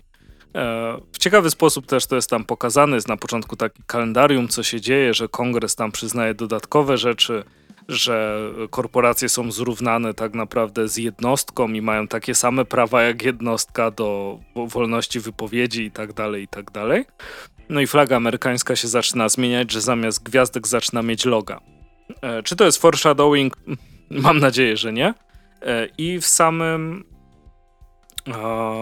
w samym komiksie jest bardzo dużo takich nawiązań humorystycznych, oczywiście takich E, to, to, to jest taka dystopia, więc to jest śmiech przez łzy w wielu momentach, e, że mnóstwo takich głupot. Zaczyna się zresztą od tego, że ktoś ma nieważny paszport, dlatego że zmienił się właściciel tego kawałka drogi, więc trzeba będzie wykupić nowy abonament na to, coś tam, coś tam, coś tam. W kółko, kółko jest mnóstwo właśnie takich korporacyjnych, biznesowych bzdetów. E, ale Survival Street, jak sobie spojrzycie zresztą na okładkę, widzicie coś w rodzaju. Nie, nie Muppet to jest konkretna ten. E, widzicie coś w rodzaju kukiełek. E, ponieważ jest to historia e, wcale nie bazująca na ulicy Sezamkowej. E, był sobie program telewizyjny, który został e, skasowany i to tak brutalnie, że przyszli goście z bronią i go skasowali e, dlatego że ktoś wykupił stację i to idzie do likwidacji e, i już te żywe, ponieważ to są istoty pluszowe, mm, nie mogły dalej uczyć dzieci i zaczynają tworzyć ruch oporu. I to taki bardzo brutalny w wielu momentach ruch oporu. Ciągle pamiętając o tym, że, że są jednak e, kukiełkami w pełni świadomymi, nikt ich, nikt ich nie kontroluje, one po prostu same, same żyją, były tam zatrudnione jako e, aktorki i aktorzy. E, no, jest w wielu, w wielu momentach zabawnie, e, wplatane takie pojedyncze e, elementy nawiązujące właśnie trochę do, do ulicy Sezamkowej czy do e, programów dla dzieci, jak jest mm, jedna z kukiełek, która ma, ma traumę zdecydowanie po tym, co, co, co przeszli i taką jest taki kolorowy e, kwadracik, że, no, że jego sponsoruje literka P, T, S i D. E, I to, to, to buduje właśnie klimat tego, jak, jak, jak to wygląda. Jest dużo, dużo broni, dużo bomb, e, zamachów. Prezydent tutaj w ogóle jest e, też wybierany przez korporacje. E, później jest szantaż jakiejś osoby, która jest szefem amerykańskiej firmy sprzedającej broń i oni jakby ujawniają, że tak naprawdę jest złą osobą, ponieważ to też jest w ogóle kosmos, że w tym mieście kontrolowanym przez tą korporację e, zostało uchwalone prawo, że każdy spór nie trzeba iść do sądu, tylko można rozwiązać w pojedynku. W ogóle jak tu jest dużo pokręconych motywów i jak e, o tym mówisz, to mam w głowie, że co ten scenarzysta brał, czy tam duet Miał wyobraźnię, albo mieszkał w Stanach. Tak, sama, sama nazwa New Best America i e, jak mówiłeś o kresce, spojrzałem sobie właśnie na strony przykładowe i mi się kreska kojarzy z Dorota Ramireza. No tak, jest, jest, jest rzeczywiście e, coś, coś wspólnego e, z tą. Tak, ale ma zdecydowanie mniej cieniowania. Jakby Leinard jest trochę podobny, ale nie ostateczne wykonanie, mam wrażenie. Tak, tak, tak. Ale takie pierwsze skojarzenie mm-hmm, moje, ale, ale to, to... sorry, że ci przerwałem wywód. A oczywiście nie ma problemu.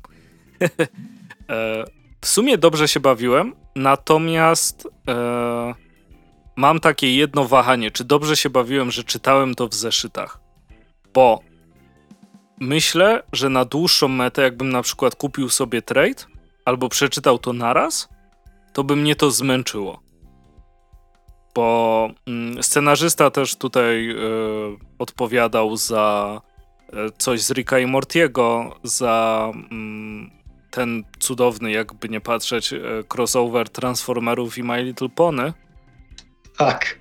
I ja na przykład mam taki problem z Rickiem i Mortim, oprócz fanów Ricka i Mortiego oczywiście, Eee, że jeśli bym to oglądał non-stop, to to jest w kółko to samo. I nie ma oczywiście w tym nic złego. Większość seriali, tak no, łącznie z tymi, które lubię, to jest w kółko to samo. Masz jeden schemat, dobra, walimy, jedziemy dalej, 500 odcinków, nie? Eee, I nie, nie mówię, że to jest coś złego, bo to jest po prostu no, taki komfort dla ciebie, prawda? Wiesz, czego się możesz spodziewać, że będzie zabawniej, potem wyłączasz i, i ży, żyjesz sobie dalej, dalej swoim życiem. E, I tutaj myślę, żeby mnie to zmęczyło. Jak, jak, jakbyśmy to. Jakbyśmy to, Andrzej. Mówię sobie w liczbie mnogiej. E, jakbym to czytał no, w takiej skondensowanej wersji, to, to byłoby za dużo już po prostu. No, za, za, za, dużo w tej zupie tych Tak, ale to, to jest chyba to samo odczucie, które miałem z maską maskę sobie mm, dawkowałem, tak, tak bym to określił. I było ok. No bez tego, bez tego by nie dało rady. E, wa walnąć tego omnibusa na jeden raz? Mm No chyba nie. Nie, nie, nie to, to, to byś się zamęczył, a, a w małych dawkach jest całkiem zjadliwe, nie? Mhm. I to jest coś, czego spodziewam się, że tak samo miałbym z Survival Street. Przeczytałem sobie zeszyt, było trochę, wiesz, tych żartów, które bardzo często są na jedno kopyto. Są zabawne, ale są na jedno kopyto. E, tutaj właśnie, że o, kolejna korporacja, właśnie w tym drugim zeszycie to, e, to, to, miasto, w którym nie musisz iść do sądu, tylko możesz stoczyć pojedynek o to, czy na przykład kto bierze rzeczy po rozwodzie, no to jakby się trochę rozwiązuje, bo po tym nie ma drugiej osoby. E, czy na przykład która burgerownia w mieście jest lepsza, no i możesz zabić drugiego gościa, nie? Wow. bzdury e, e, po, po prostu. E, I smutne oczywiście, to jest ten rodzaj satyry, która, która cię bawi, dopóki nie zdajesz sobie sprawy, że to jest po prostu.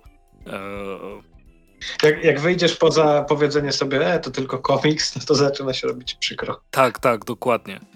Że, że, że jak spojrzysz, że to jest jakby amerykańska rzeczywistość, na którą jest taka wyolbrzymiająca soczewka e, po, położona, a w rzeczywistości trochę tak ale jest. Ma, ale, ale ma swoje fundamenty skądś, nie? Tak, tak, właśnie. I to, to, jest, to, to jest strach, który stoi za tym. I jeszcze w takim pięknym kontraście z postaciami dla dzieciaków, nie? Które są tutaj tak, zabójcami. Z tej, z tej edukacyjnej takiej telewizji, nie? Tak, tak. No i zresztą tu w jednym momencie jest jak widoczny na okładce drugiego zeszytu yy, kukiełek. E, chce wykończyć jednego i tam jego dowódczyni, nazwijmy to, krzyczy, że e, o, dzieci to oglądają. tego, tego nie rób. Czy, czy wykończył, czy nie wykończył, to sobie możecie sprawdzić w komiksie. Jest ok na taką rzecz pomiędzy y, lepszymi komiksami. Taki o zabawny tytuł od Dark Horse'a. E, szczerze mówiąc, takie miejsce, w którym, e, w którym widzę produkcję tego typu, to jakbyś miał magazyny komiksowe, jak 2000 AD, czy jak no, japońskie Shonen Jump. E, że po I prostu epizody. masz kawałek, właśnie masz takie epizody pomiędzy innymi historiami i wtedy byłoby ekstra. Zdecydowanie. Ale no. tak czy siak, jeśli nie macie na co wydać 4 dolarów, żeby sobie sprawdzić, to sobie kupcie i sobie sprawdźcie. Bo jest ok. Nic wielkiego, ale parę, parę razy się zaśmiałem. Natomiast trade'a bym raczej e, nie kupił, bo bym nie zmęczyło. No chyba, żebym czytał na raty, ale to robię w zeszytach. Y, też przypuszczam, że raczej małe szanse, że ktoś to u nas wyda. no nie, jest... myślę, myślę, że bardzo Dark Horse jest u nas mało popularny, a teraz jest mnóstwo ciekawszych rzeczy, plus to wiadomo, dzisiaj jest jak jest. Na rynku wydawcy sięgają raczej po pewniaki, ale jeżeli piszecie magisterkę o kulturze amerykańskiej, to coś dla was. Tak, tak, no jak, jak najbardziej. Mhm. I co? Tyle o komiksach na dzisiaj, a teraz porozmawiam sobie z Sin Citron. E, dzień dobry. Sin Citra, którą e, regularnie w głowie sobie przekręcałem jako Sinistra, co zresztą... No, no właśnie to za, zastanawiałem się, jak często, jak często ci to spotyka, ale zanim przejdziemy do tej historii, o ile jest z tym związana jakaś historia, e, to bardzo bym cię prosił, żebyś się przedstawiła naszym słuchaczkom i słuchaczom. O, no to cześć wszystkim. Citra jestem, rysuję rzeczy, głównie komiksy, jeżdżę sobie na konwenty i, i tyle. I to ja. Wspaniale. Do, do, do rzeczy. Bio jak z Instagrama spe, spełniło wszystkie zasady, zasady długości. E, I mogą cię znać e, słuchaczki i słuchacze albo z publikacji w Warchlakach, albo z twoich komiksów oczywiście. Tak. I e, z Krysi, której jestem, jestem wielkim fanem. E, oraz komiksów internetowych, e, który zapisałem sobie oczywiście nazwę Blessed and the Beast. tak, Święta i Bestia. Mam polską wersję już teraz w całości do, dogonioną do angielskiej. Wspaniale, czyli dwujęzyczna. Tak. A to też jest ciekawe, od razu, to, to od razu o to spytam w takim razie. Czy jak publikujesz w dwóch językach, bo korzystasz e, z Webtuna i z Tapasa, prawda? E, nie mówię o Webtoonie i Tapasie. To Webtoon i Tapas jest dla mnie taka, taka platforma, która jest ekstra. Okej. Okay. Ja nie mam przedstawionego komiksu, wiesz, do formatu mobilnego, do formatu Tapasa. jest taki zwykły po prostu strona A4, więc tak po prostu tam funkcjonuje, żeby było. Głównie mam tą stronę na Comic Fury, którą sobie założyłam. To jest okay strona hostingowa i tam to już w takim tradycyjnym formacie webkomiksu za moich czasów, które były, to prowadzę. Stopką po prawej stronie najlepsze webkomiksy wejdź. No, no dokładnie. A, czasy internetu z banerami to były. Ach, to Dzikie było, czasy. było. Zdecydowanie. No, ale tak, e, to powiedz mi proszę, mm, czy w jakiś sposób jesteś w stanie sobie to zmierzyć, co powiem, jest w cudzysłowie, bo do, nie oczekuję jakichś liczb od ciebie, e, ale jak dużo, wiesz jak dużo masz odbiorców? Nie wiem, przyznam zupełnie szczerze, jeśli chodzi o Tapasa i Webtoona, tak mówię, te liczby są takie bardzo sztuczne moim zdaniem, bo nie wiem, co one znaczą do końca, czy też oczywiście liczba wyświetleń jest tyle, ile ludzi ją widziało, więc tak nawet na to nie patrzę. Moim jedynym w sumie e, na czym mi zależy, to jest jak zarządza się komiksem na, na, na Comic Fury, to jest taki wykresik, kiedy kto chodzi, ogląda i jak jest ten bump do góry w poniedziałek, jak strona wchodzi, on taki yes, wszystko jest fajnie. A jak ktoś do ciebie pisze z, z odbiorców, to raczej w angielskim czy w polskim? Um, raczej w angielskim. Raczej w angielskim. Bo polska wersja w sumie też została. Ja głównie te socjalki też mam po angielsku. Polska Mhm. wersja też została. No dosłownie kilka miesięcy temu zaczęłam ją wrzucać. No, kilka tygodni temu. Przed Pyrkonem zaczęłam ją dosłownie wrzucać. No, bo mimo wszystko to jest kopa roboty, żeby poprawić literówki, poprawić interpunkcję w dwóch wersjach, zapisać to, sprawdzić jeszcze raz. No przynajmniej, jest- no, no, no, mów, mów, mów, To jest proszę. robota, wiesz, trudna. To jest robota, którą ja bardzo nie lubię. I dlatego mi to sprawia taką, taki kłopot. No, przynajmniej nie doszłaś do tego momentu szaleństwa, w którym patrzysz na planszę i ci się nie podobają i rysujesz od nowa, więc... e, Nie, nie, nie. Mam zasadę, że nie poprawiam stron, chyba że coś jest logicznie nie tak, aha. albo faktycznie mi bardzo się nie podoba. Bardzo mi się nie podoba, chyba tylko raz zmieniłam, a logicznie nie tak, no już parę razy mi się zdarzyło. Na przykład zapomniałam e, w świętej strażnikom strzelb dorysować i musiałam się wracać. No, ale to na szczęście kosmetyka, jak słynne znikające okulary w Marvelu kiedyś, ale to Tak, tak. nikt nie zauważył, więc się nie liczy. tak, tak, tak Dokładnie naprawdę. Przeszło. Um, I wspomniałaś też o Pyrkonie. Trochę, trochę, trochę zahaczyłaś, więc ja sobie też o to zahaczę. E, Jeździsz na konwenty i na czymś będziesz niedługo, prawda? 11 września jest publikowany ten materiał, więc macie jeszcze trochę czasu do MF-ki, e, na której będziesz. tak, będę, zgadzam się. E, Super.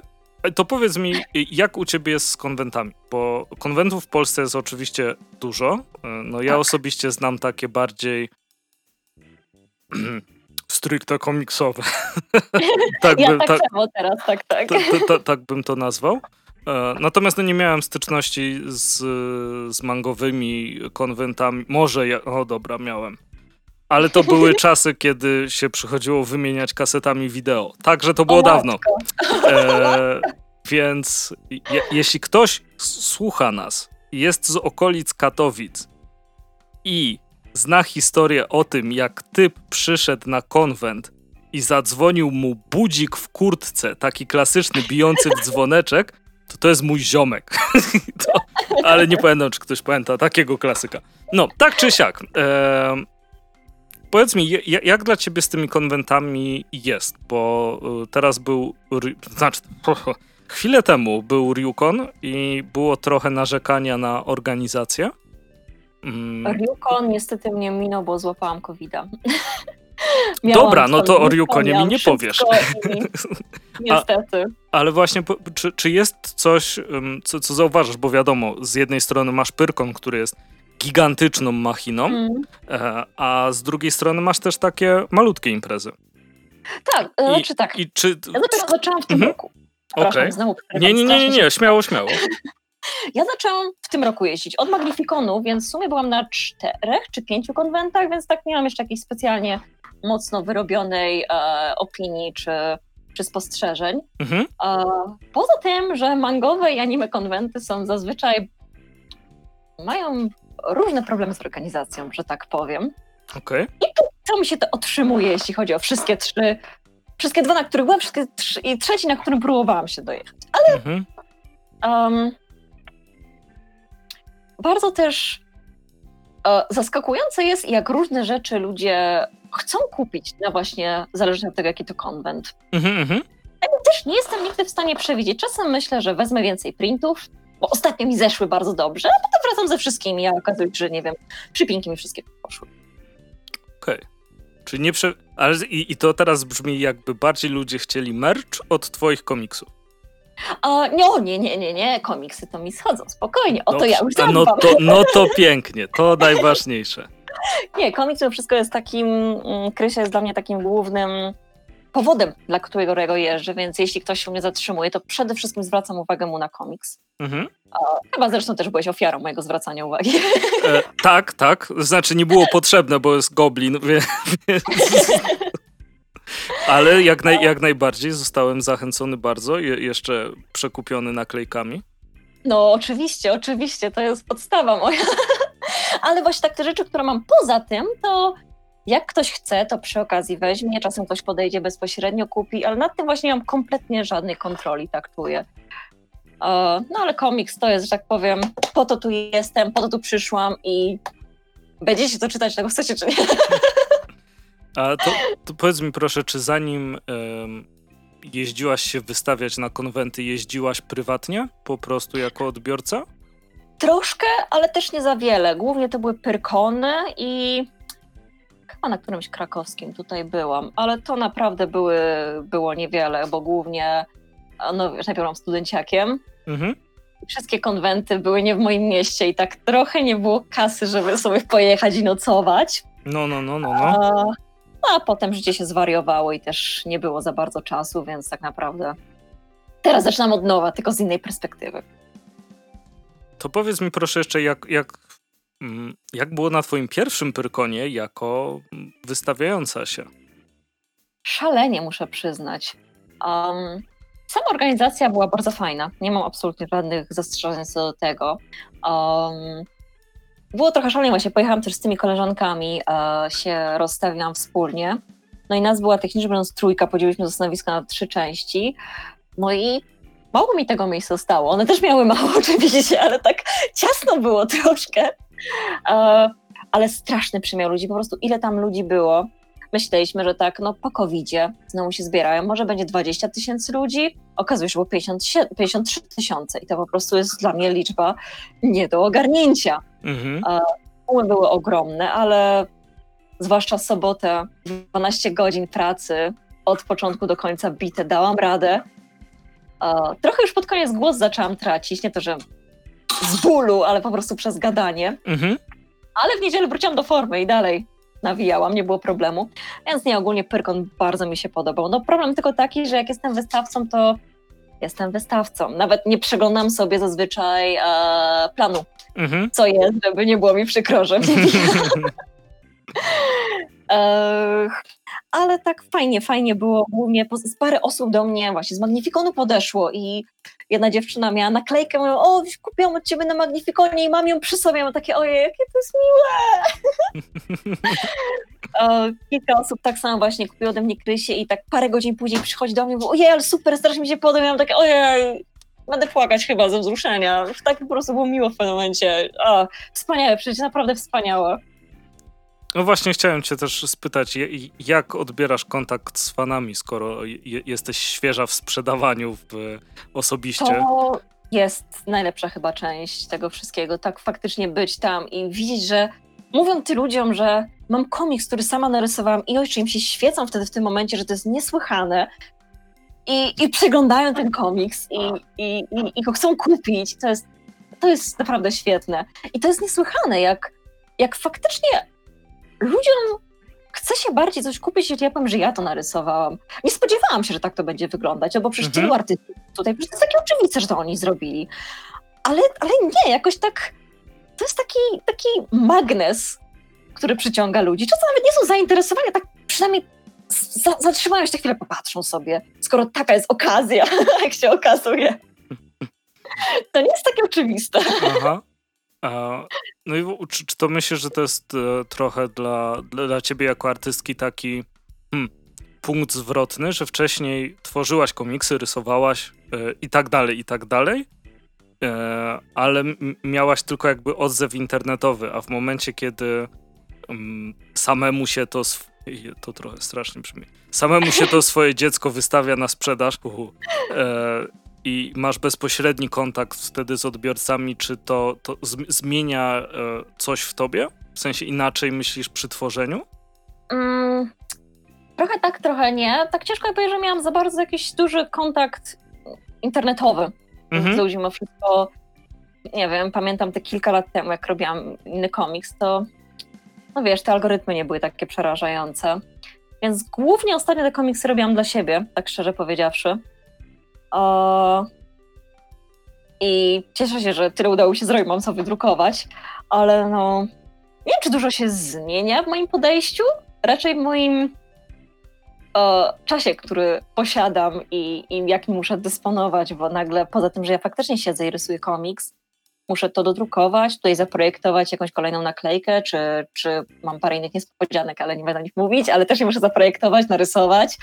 E, tą świętą, to jest mój priorytet mimo wszystko, taki wewnętrzny. Ja chcę Mhm. nad tym pracować, chcę to skończyć. E, na taką stronę 3-4 dni mogę nawet robić. Czasem nawet dłużej. No i jeszcze ludzie potem mnie pytają, kiedy trzecia Krysia? Ja mam takie, ojejku, ja mam tylko dwie ręce. To ma 24 godziny, więc tak trochę mnie to przeraża, z drugiej strony strasznie cieszy i tak Gdzie? nic się nie zmieniło poza tym, że jest tego więcej, tak się czuję. To chyba dobrze, nie? W, w, w Tak, jakiś, ja w jakiś ja się sposób. bardzo cieszę, naprawdę. To jest, to jest strasznie miłe, jak ludzie mówią, że to im się podoba, że tego chcą, ale tak z drugiej strony strasznie przerażające, bo wszystko, to ja to muszę zrobić, to ja się tym muszę zająć, to ja, to ja. No, sama chciałaś, jakby, Sama jakby chciałam, nie patrzeć. E, to kiedy trzecia Krysia? Jak już No właśnie, ale trzecia Krysia już powoli mi się układa w głowie. Czyli nie na. MFK, dobra. No, Nie będę za dużo chyba jeszcze, jeszcze żadnych spoilerów dawać, ale no nie wiem, naj, najszybciej w przyszłym roku. W tym roku na pewno nie, o, to, Mhm. to chcę powiedzieć. Na pewno nie, może w przyszłym roku zacznę pracować, ale na pewno dam znać, wszędzie i wszystkim. Krzyczeć głośno. dobra, a na MFK coś planujesz nowego, czy przedstawiasz się nie, nowym nie, nie, osobom? nie. Dobra. Nie, jadę z tym, co mam. Kolejne nowe, co będę mieć, to będę redrukować pierwszy rozdział Świętej. Mhm. bo dosłownie w ten poniedziałek wróciłam ostatnią stronę. No, tylko to zajdzie mi jeszcze parę tygodni, żeby, no niestety, dorobić spady, bo coś tu sobie nie pomyślał, żeby to przygotować od razu do druku, więc 69 stron będę musiała poprawiać i plus chcę jakieś tam dodatkowe dodatkowego lora, e, czy jakieś dodatkowe arty dorzucić, żeby tak było warto ten komiks kupić, ale też tak, no nie wiem, co z tym drukiem będzie, bo to jest grube, Mhm. kolorowe, duże i koszt wydruku to jedno, ale czy mi ktoś kupi tak drogi komiks, No tak. To loteria, jest- zdecydowanie. który jest pierwszą częścią dodatkowo, drugiej jeszcze nie ma. Ale jest jedną Ja z nie dwóch, czy chcesz to... E, Tomów będzie, tomów będzie cztery albo pięć. E, Dokładnie wiem, co się dzieje, tylko tak w głowie nie jest na tyle daleko, że tego trzeciego rozdziału nie wiem, czy nie rozbiję na dwie części. Tak nie Okej. jestem w stanie go po prostu fizycznie sobie w głowie wyobrazić teraz. Więc rozdział będzie cztery albo pięć, więc to jest strasznie dużo. No i ja, ja jestem bardzo sceptyczna sobie, jeśli chodzi o serię, więc ja bym nie kupiła. więc tym bardziej mam takie, takie samo zaparcie, że nie, ja nie mogę być taka jak inni, ja muszę to skończyć, nie mogę zawieść samej siebie. No, sprzedawanie czegoś, czego nie jest się pewnym, jest e, zawsze trudniejsze. E, zdecydowanie. Czy bierzesz pod uwagę jako, mm, nie nazwijmy to, formę zabezpieczenia, żeby skorzystać z Wspieram to, co, co ja powiedziałem, ze Wspieram to albo z Kickstartera, żeby ufundować to? Nie, wątpię, żeby mi się udało na tym etapie po prostu. Wydaje mi się, że pierwszą można własną rękę wydrukować i jeśli to się przyjmie, to myślę, że druga na Kickstarter pójdzie, no bo mogę to w niewielkim nakładzie sobie wydrukować i zobaczyć, Mhm. co będzie po prostu. Nie muszę od razu tysiąca sztuk drukować, tylko 50 penny wydrukuję i zobaczę, jak pójdzie. No, jakby nie patrzeć fakt faktem przy Kickstarterze i wspieram to zbudowanie sobie wcześniej jakiejś takiej Mhm, społeczności odbiorców, to, to, to bardzo, bardzo dużo daje. E, Tak. Chyba też, mm, skoro tworzysz webkomiksy, wydaje mi się, że duża część odbiorców twoich e, jakby mm, to jest bardzo krzywdzące, ale zakładam, że przy wielu webkomiksach ta, tak jest. E, No już to czytałem, czytałam, więc po co mam to kupować? Jest w necie. Tak, tak. I w sumie w necie cię nic nie kosztuje, nie? Tak jak Tak. e, masz lajki na Instagramie, a potem nikt nie przychodzi na spotkanie z tobą i jest tak. Dokładnie uhu. tak, to jest kolejny problem, bo właśnie mam ten komiks głównie po angielsku, no i no ja go chcę po polsku na razie wydać, więc kto mi się dołoży? Nie wiem, kto z tych ludzi faktycznie mówi po polsku w tym momencie. Wiem, że tam jest parę moich znajomych, ludzi, których kojarzę, no to oni mówią po polsku, ale cała reszta, no, no nie zapłaci za komiks, który nie mogą przeczytać tak naprawdę. No tak, tak, jakby, jakby nie patrzeć. Chyba, że Kickstarter po angielsku, no to wtedy, wte, wtedy trochę No inna ma- perspektywa, Wtedy ale jest to... kwestia wysyłki za granicę i to na Tak, razie... i to jest dramat. Nie, nie, nie. To prawda, to już nawet do, do Anglii wysłać jest dramat, a co dopiero za Tak, ocean. tak. O. dziwne czasy bardzo nastały dla, dla ludzi wysyłających kolorowe tak, obrazki tak. pocztą. E, jeśli chodzi o kolorowe obrazki, a może nawet ruszające się kolorowe obrazki, to co, co, co najpierw? za- A dobrze, to zaczniemy najpierw Mhm. od osoby, jeśli chodzi o ilustrację. E, powiedz mi proszę, czemu pani Ayami Kojima jest ważną osobą dla ciebie? A, niech to. Ktoś mnie tu przejrzał chyba. Um, wiesz co, tak szczerze powiesz, to poza estetyką nie wiem, czy mam coś do powiedzenia. E, może przypomnimy, kim jest Ayami Kojima, bo Tak, tak, myślę, tak, że tak, sporo tak. osób może, może nie wiedzieć. E, Jest japońską artystką, którą prawdopodobnie, jeśli jesteście dziadami albo lubicie starsze rzeczy, e, możecie kojarzyć z ilustracjami niesamowitymi zresztą do Castlevanii. Chyba tak. wszystkie części z Game Boya Advance'a, te wszystkie Saria of Sor- e, coś tam, jak to było? Tak mi się wydaje, tak. No. mm, Kurde, co by to powiedzieć, żeby się tak nie obnaszyć przed wszystkim? A, bardzo mi się chyba to wystarczy, że powiem. A, I po, czy myślisz, że to jakoś, że estetyka, którą się otaczasz, wpływa na ciebie jako na A, znaczy artystkę? też, a ja mi korzyma, to jest jedna sprawa. Druga sprawa jest taka, że ja byłam przez długi, długi czas bardzo e, religijną i wierzącą osobą. Mhm. Więc to jest tak. I to się bardzo ładnie pokrywa też z tą estetyką Amy Kojima. Więc tak zostało to wszystko we mnie. Mhm. A, no i teraz się tym bardziej bawię niż, niż cokolwiek innego. No nie, nie, nie. Ro, rozumiem. No jakby jej, jej warsztat. Ty tworzysz e, ręcznie, czy ręcznie? Zawsze jest ręcznie. E, tworzysz za pomocą tradycyjnych mediów, czy cyfrowo? E, głównie wszystko w digitalu tworzę, Mhm. ale długi, długi czas pracowałam głównie tradycyjnie, więc ja kocham tradycyjny tusz. To jest po prostu moja największa miłość. Mhm. ale no czas, czas, nie ma czasu po prostu na to, żeby jeszcze to wcisnąć, ale mimo, że umiem w tym digitalu siedzę już nie ma lata, lata, to zawsze jakoś tak trochę łatwiej mi najpierw coś, jak nie mogę czegoś wymyślić, naszkicować na papierze, to jest jakaś tak koordynacja ręka, głowa, oczy, to zawsze nie mogę, nie chcę za niego przeskoczyć na digitalu absolutnie. Mhm. No, to, to mnie trochę zastanawiało, patrząc właśnie na, na warsztat e, Ayami Kojimy, że tam, ho, ho, to ilu ona rzeczy używa, jak To jest, ach, jakieś cudne. artykuły się znajdzie i pasty przestrzenne, co... Tak, tak.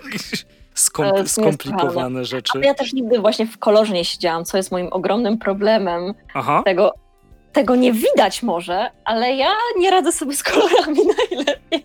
ale widzisz je, tylko sobie nie radzisz. Dokładnie, dokładnie tak. Nie lubię kolorów, ale jakoś trzeba z tym funkcjonować i jakoś sobie z tym radzić, więc Mangi nie są kolorowe. A ile osób je czyta? No to właśnie. prawda. To prawda, tak, tak.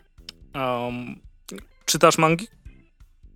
Um, bardzo wybiórczo. Bardzo wybiórczo. Raczej um, nie jestem fanką mangi, jestem fanką komiksu, więc jeśli jest fajna manga, to wtedy czytam, ale nie dlatego, że jest to manga, tylko dlatego, że jest ciekawy komiks bardziej.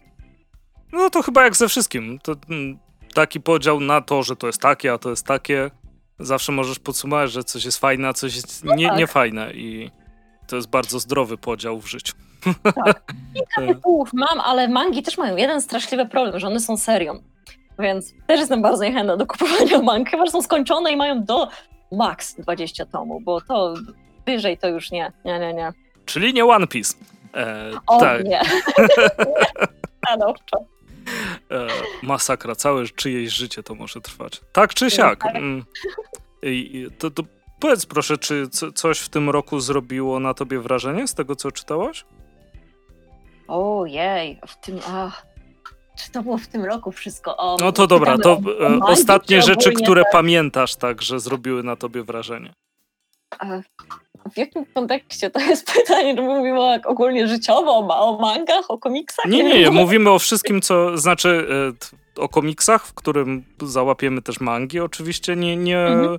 nie upieram się na te mangi w żadnym wypadku, tylko Jasne, jasne. o, o wszystkie obrazki z napisami, które.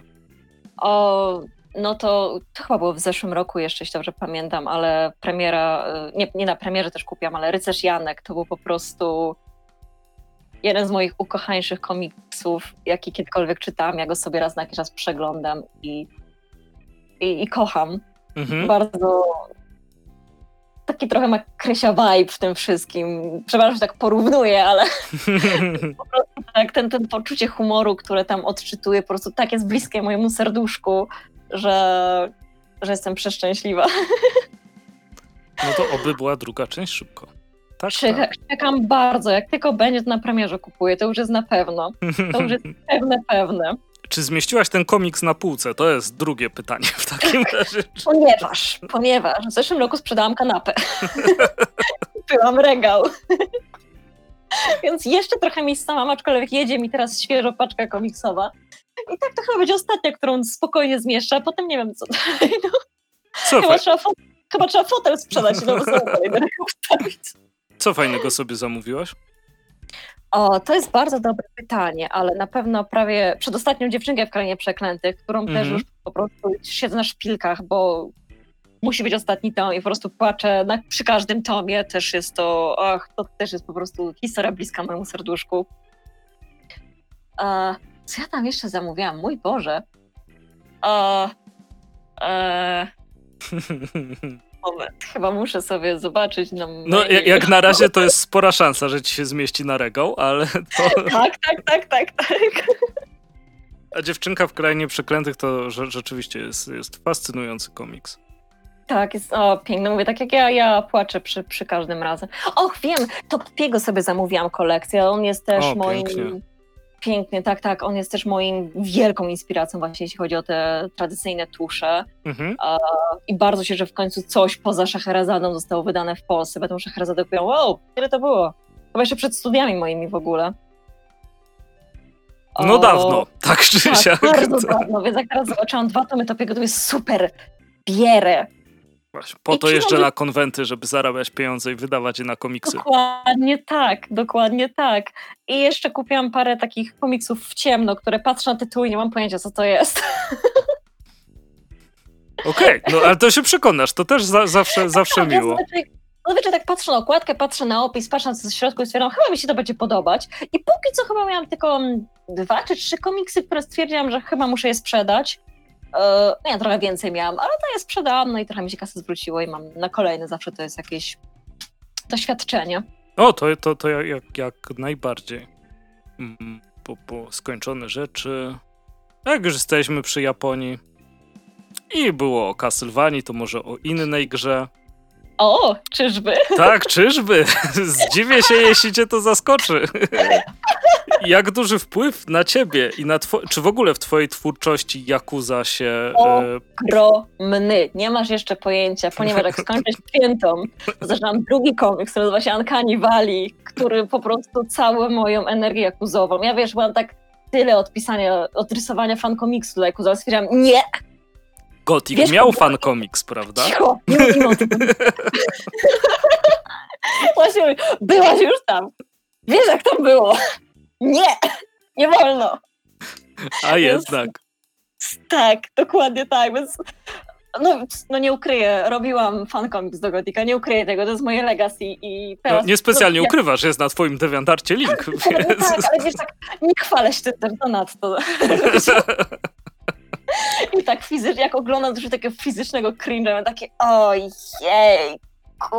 nie.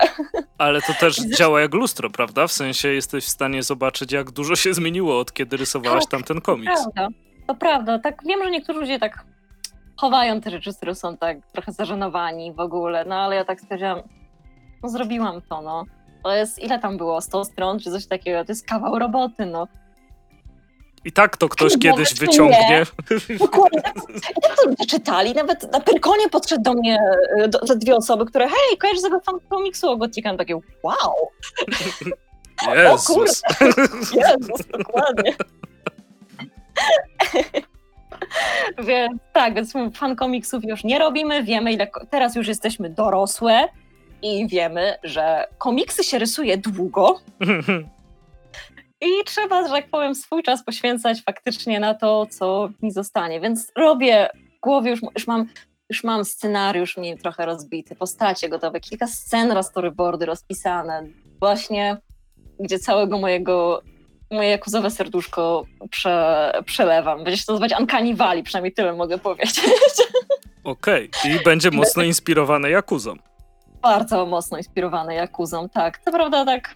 Ale no, nie tak na jak... tyle, żeby cię Sega dojechała za sprzedaż no, tego. Dokładnie tak. No wiesz, tak, tak samo jak Święta jest inspirowana Castlevanią, wiesz, to tak zaczęło się bardzo jako fan twórczość, ale z czasem po prostu już tak to odjechało, że zostawię takich parę momentów, które że było wiadomo, że tak, to jest nawiązanie do Jakuzy, dokładnie dlatego to zrobiłam i nie pomylić tego z niczym innym. Mhm. Ale tak poza tym to już wiesz, to się zaczyna robić, żyć własnym życiem bardzo. Mhm. Jak ktoś wie, że kocham Jakuzę, to coś tam zauważy, ale tak z, z boku to chyba, chyba nie.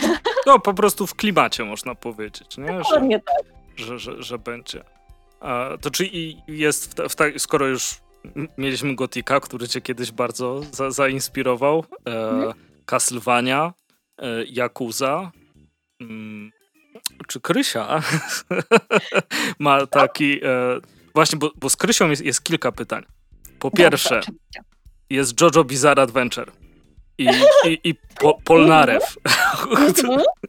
e, który tam w jakiś sposób się przejawia. Natomiast e, jeśli jakimś, znaczy będę w szoku, jeśli się pomyliłem. O, o, to mhm. zabrzmiało jak coś, czego bym w życiu nie powiedział. Ale będę w szoku, jeśli się, e, jeśli źle odczytałem, e, bo rozumiem, że Breath of the Wild z Legend of Zelda, najlepszej gry, jaka powstała, w sensie seria Legend of Zelda, tak, tak, tak. E, też jakiś wpływ, e, nie, niekoniecznie teraz twórczy, ale w ogóle odcisnęła swoje piętno na tobie. Mm, tak i nie, znaczy to jest w topie moich naj, naprawdę ulubionych gier, w które grałam, ale czy coś zostało poza takim... Nie wiem, nie wiem, czy mam jakieś długoterminowe y, odczucia na mojej twórczości, tym po prostu, że mam masę fajnych wspomnień z grania, więc mhm. nie, nie powiedziałabym, że, Dobrze. że Zelda się załapała. Jeszcze. To wyjdzie dwójka, nie, będziemy czekam, rozmawiać. Strasznie czekam. Kto nie czeka? Nintendo nie czeka. To po prostu dranie. Przesu przesuwać to w nieskończoność. E, tak czy siak, mm, Yakuza. Czy coś jeszcze o Jakuzie? Co, co możesz o Jakuzie powiedzieć? Może, ja mogę, słuchaj, ja o Jakuzie mogę mówić godzinami. Ja jestem po prostu naprawdę, tą fascynację Jakuzą mam już długo i chyba długo mi nie przejdzie. Zbieram memy, mam chyba jedną z największych kolekcji na świecie, 2,5 tysiąca memów z Jakuzy. No i gram obecnie w piątkę i na szczęście że się Yakuza nie kończy dla mnie, więc jeszcze tam posiedzę. Czekam na yy, lokalizację niektórych gier, więc tak, no jak, jak, że tak powiem, pogram wszystko i zostaną mi te niezlokalizowane, to czas się uczyć japońskiego, no niestety. No. To, to powiedz mi, bo nigdy nie grałem w Yakuza. Głośne przełknięcie śliny, że ktoś nie grał w Yakuzę. e, jakbym miał wybrać jedną część, żeby sprawdzić, czy mi się podoba. Bo kiedyś próbowałem na Playu dwójce i było topornie. O, to czasy, dawne czasy. tak. Yakuza Zero, który okay. jest takim intrem do serii.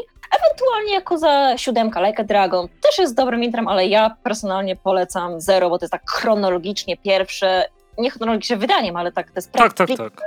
Więc polecam najbardziej to. I słuchaj, słuchaj, jak coś to ja nie zachęcam ludzi do grania w Yakuza. Ja rozdaję klucze do Steama. Więc A, wiesz, mam jeden leżący. Mam Game Passa, więc i tak mam Yakuza. W takim razie. Jest w Game Passie jeszcze Yakuza chyba? Tak, tak, tak, tak, świeżutko, więc... No, tak no to w ogóle. Ja bardziej konsolowcem nie, nie jestem, więc... Nie jesteś jedną osobą, którą harasuję do grania w ostatnio, więc...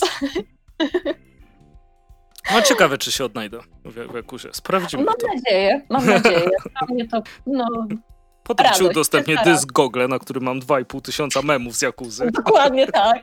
Dokładnie tak. e, czy, czyli tutaj, tutaj były gry, mm, a jeśli chodzi właśnie o, o, pol, o Polnarew, zawsze no, Polnarew, Polnarefa, tak. E, tak. I to jest brat, prawda? Go, Goblinarew. E, tak, tak, tak, Jean-Pierre Goblinarew. Właśnie cała krysia zaczęła się od tego, że mój mąż o, znalazł sobie grupę RPGową i robił sobie postać. No i tak kminiliśmy, kminiliśmy, co by zrobić, no i tak może coś z JoJo właśnie takiego. No i mamy Jean-Pierre Goblinarefa właśnie, który tak charakterowo mm-hmm. jest, tylko ma, że tak powiem, jest szermierzem i ma włosy, tak trochę wygląda, tak inspiracja raczej niż faktycznie. No, no, no, tak, tak, oczywiście. No, no, no i potem potem zaczęła tak myśleć, sobie sama rysować, coś tam. Powiedziałam, może będzie miał siostrę. I ta siostra właśnie będzie nazywać Krysia. No i tak w sumie powstała właśnie Krysia jako siostra Jean-Pierre Goblina Refa z Borsukiem Bartusiem. A, no tylko ja nie grałam w żadną grupę RPG, więc tak była ze mną dla mnie. I Jean-Pierre jest kanonicznym bratem Krysi i może się pojawi, ale może nie, nie wiem jeszcze. Musisz sprawdzić, jak bardzo pozywają. ale to, um, kry, to... Czekaj, bo muszę sobie... Czy Krysia jest bez słów? Nie. E, nie. Prze znaczy, Krysia nic nie mówi, ale pojawiają się dialogi, prawda? W tej tak. części z kultem. Tak, z kultem. Krysia ma w kulcie dymek, i tam ciągle ona mówi po gobliniemu tam, o, w ten mhm. sposób. No ale no, jak będzie rozmawiać z bratem, to może coś powie. Okej. Okay. Czyli, czy, czyli nie będzie nie ma jak Link, a widzisz, jednak? Tak, tak, tak. Nie, nie, nie, nie. nie. Krysia jest bardzo gadatliwa akurat, tylko to się skradało akurat. Okay. Czy to były te skradankowe części, czyli dopiero szykujemy się na coś większego? Tak, hmm. kolejny tom już tak, kurde, chcę, żeby był kolorowy i, i większy, ale no, no zobaczymy, jak to będzie.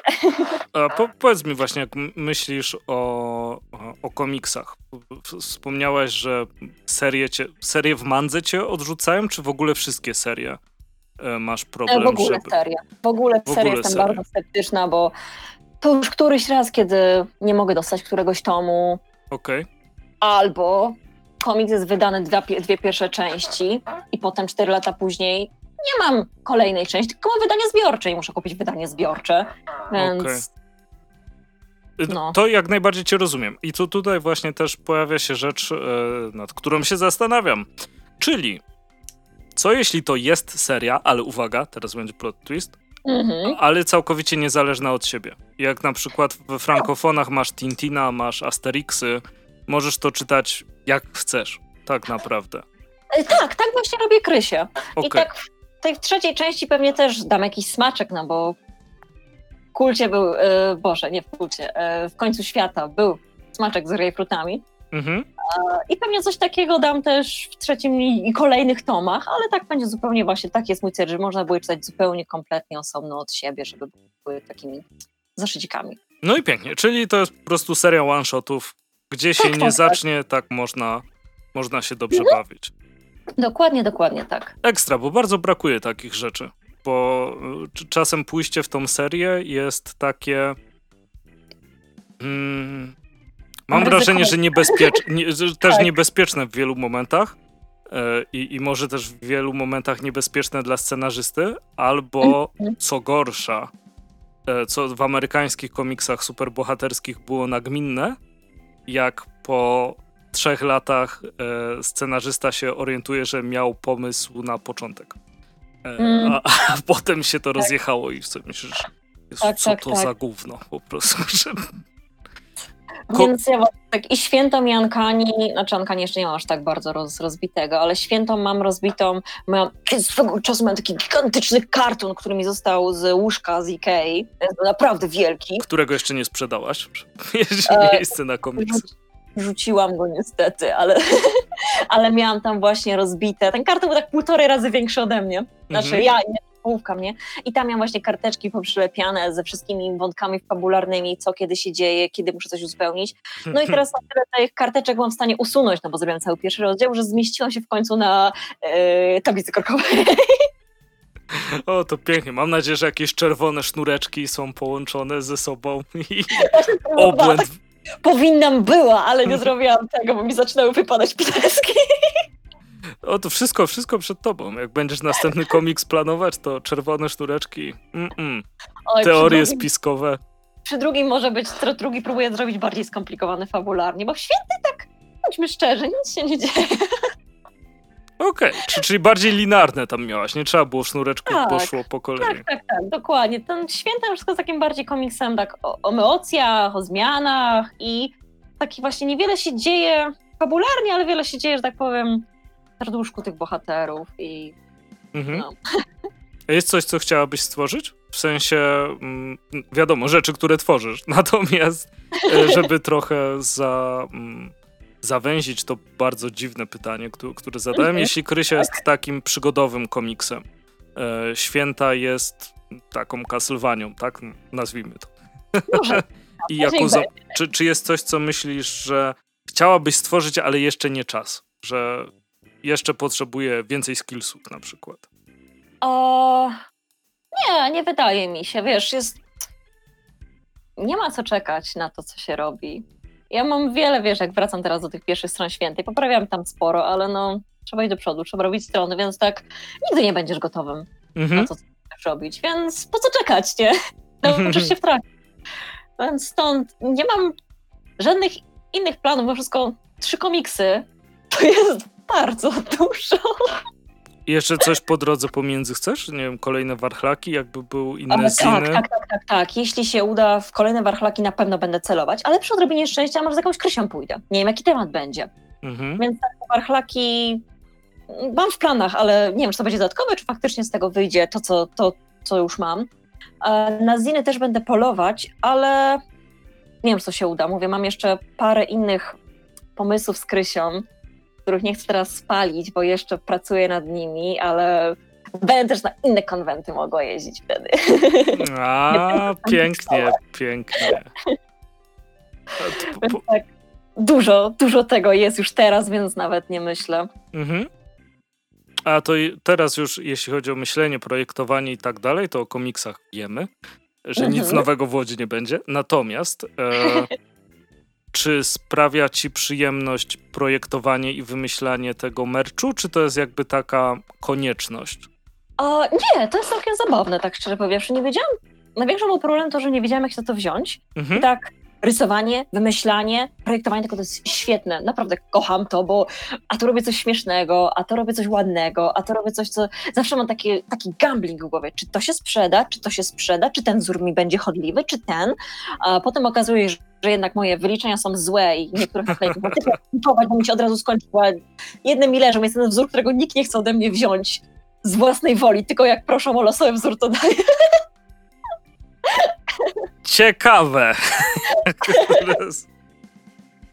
Ale tak, tak samo z zakładkami, ale coś, czego nie cierpię, jeśli chodzi o mercha, to jest wysyłanie i przygotowanie tego do druku. To jest...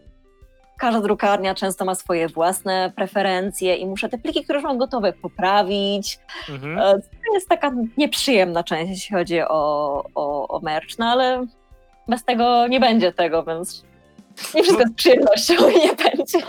Jasne. A czy, czy jest coś, y, mm, do czego byś się na przykład, jakby to określić, przymierzała? Jak na przykład piny, tylko nie, nie mówimy o tych takich guziczkach, tylko o y, tych emaliowanych. W, wiesz o co mi chodzi na pewno. E, ja już, chyba na betomik nie mam, ale ja już mam takie zwykłe przypinki na agrawkę, o tym mówisz, tak? Właśnie nie.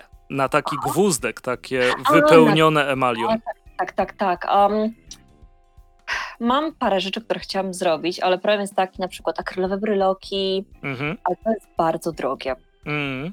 W Polsce mało kto to robi. Te akrylowe bryloków znam zupełnie jedną firmę, ale właśnie ceny są poza moim zasięgiem. I zazwyczaj duży, największy problem z meczem jest taki, że często drukarnie czy inne firmy każą za, zamawiać tego minimum 100 sztuk. No i niektórych rzeczy to ja, no 100 sztuk to ja nie sprzedam, no nie ma takiej opcji po prostu. Ile by mi to leżało? Lata w domu najpewniej. No, no, no. O, więc mam parę tak rzeczy i pomysłów, ale mówię, nie będę teraz niczego się dzielić i, i, i spoilować, i, żeby nie spalić sobie. Um, No, bo potem nie będzie i ci dokładnie, komiksowo wypominać do końca życia. Przykro, dokładnie, mi będzie przykro, tak na razie nic nie mówię, ale no wiem, mam parę pomysłów. A nie, jedno mogę powiedzieć, mam puzzle. Uuu. Jeszcze z Krysią też zrobię, ale na razie mam puzzle właśnie ze świętej i jestem zadowolona bardzo. Jeszcze muszę skończyć pudełko, więc nie będzie ich na w tym tygodniu jadę na Jagakon i jestem super pumped i nie mogę się doczekać. Bardzo podekscytowana jestem, więc nie będzie ich na Jagakon, bo świeżo je dopiero odebrałam i muszę jeszcze poprawić parę rzeczy, ale może może na MFK nie zawezę, co mi tam? Co prawda dużo miejsca zajmują, ale co mi tam? To weź mniej i będzie limitowane. No na pewno. Mimo wszystko nie mam samochodu, więc ja wszędzie pociągami jeżdżę. Do piły miałam walizkę 21 kg, to jest praktycznie połowa mojej wagi, więc Zawsze. A, nie, bo wcześniej jesteś na innej imprezie, prawda? Przed łodzią. E, tak, tak, właśnie na ten Jagakon jadę. Na szczęście Jagakon jest w pobliżu mojego rodzinnego miasta, więc wezmę więcej. Mój tata będzie i a, strasznie cieszę, rodzinka mnie odwiedzi. Zwłaszcza mój tata to jest tak, a, fajnie, cieszę się, strasznie cieszę. Bo bardzo dobrym patentem na transport niektórych rzeczy, mówię to jako osoba, która kupuje więcej komiksów niż planuje, a potem nie umie wrócić pociągiem, wysłanie sobie paczki paczkomatem z festiwalu. To jest tak dobry pomysł. To jest doskonały, tylko właśnie problem jest taki, że jak wracam, to już mam lekką tą walizkę. Ale w drugą stronę też nie będę chyba w stanie tak dobrze wyliczyć tego, żeby na pewno mi przyszło, no bo wiesz, zawsze może coś się stać, opóźnić się, dziennie przyjechać, przyjechać wcześniej, a ja mam te ile, 48 godzin na odebranie, więc tak wiem, że na na przykład Pyrkon ma e, taką opcję, że można do nich wysłać bezpośrednio do nich i ta paczka tam wtedy będzie. E, no ale też na takie większe festiwale mam pomoc mojego ukochanego męża, który no, na Pyrkon ze mną pojechał, że miał dźwig, na MFKIG też ze mną będzie. E, na, na, ja jedę na Bakanalia sama, a potem spotykamy się na MFKIG, on mi dorzuca dodatkową walizkę wtedy, więc tak przemyśleć. Mm, Więc mam też wsparcie u niego i no to pięknie. tak, tak. No to ekstra, to, to tylko, tylko się cieszyć. Powiedz mi jeszcze, bo mnie to teraz zaintrygowało. E, pudełka, w sensie sama robisz pudełko, czy... A nie, z pudełkiem e, trochę się pochwalę, ale w treflu drukowałam sobie te puzzle. O, to uhu, Problem hu. jest taki, że mają domyślne pudełko na wszystko.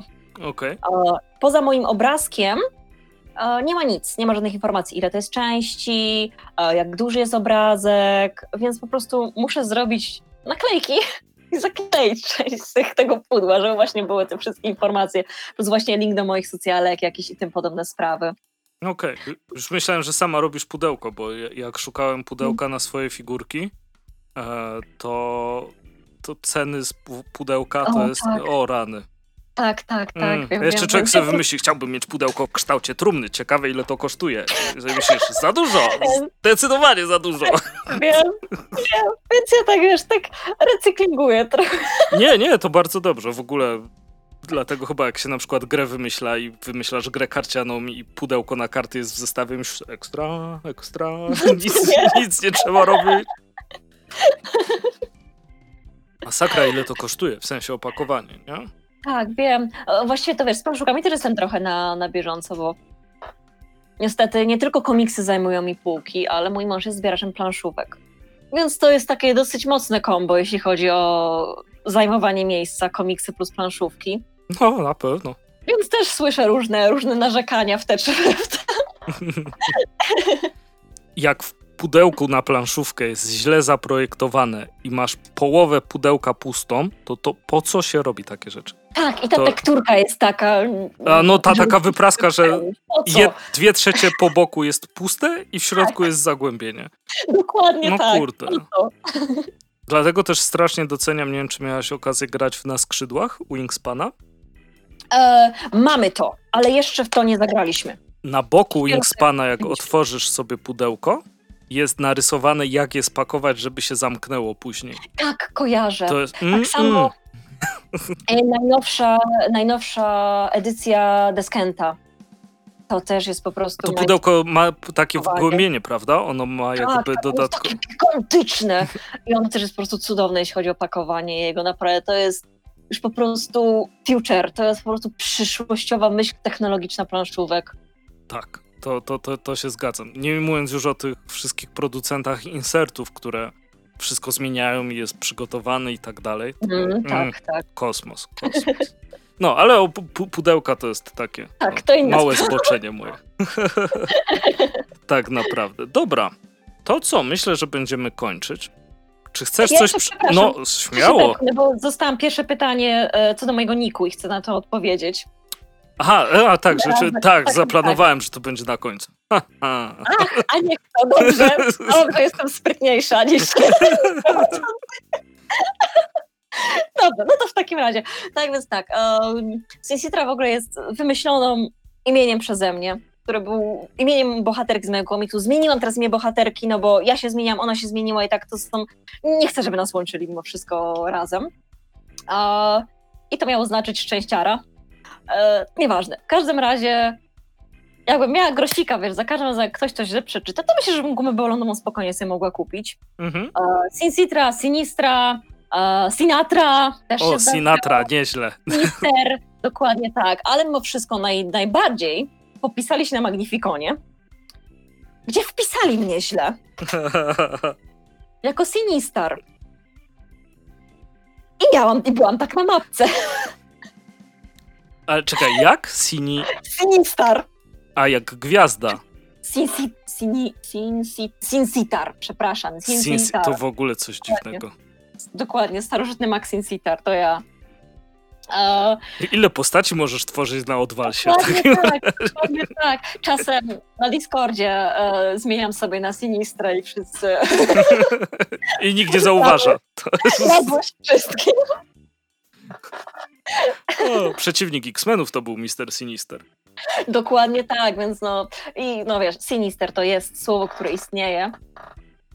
A Sinsitra chyba to jest coś włoskim, jeśli dobrze kojarzę. E, ale nie wiem, Brzmi też bardzo hindusko. być może, więc nie, dla mnie to ma znaczenie, które ja sobie wymyśliłam, a no, no tak, tak to jest, tak.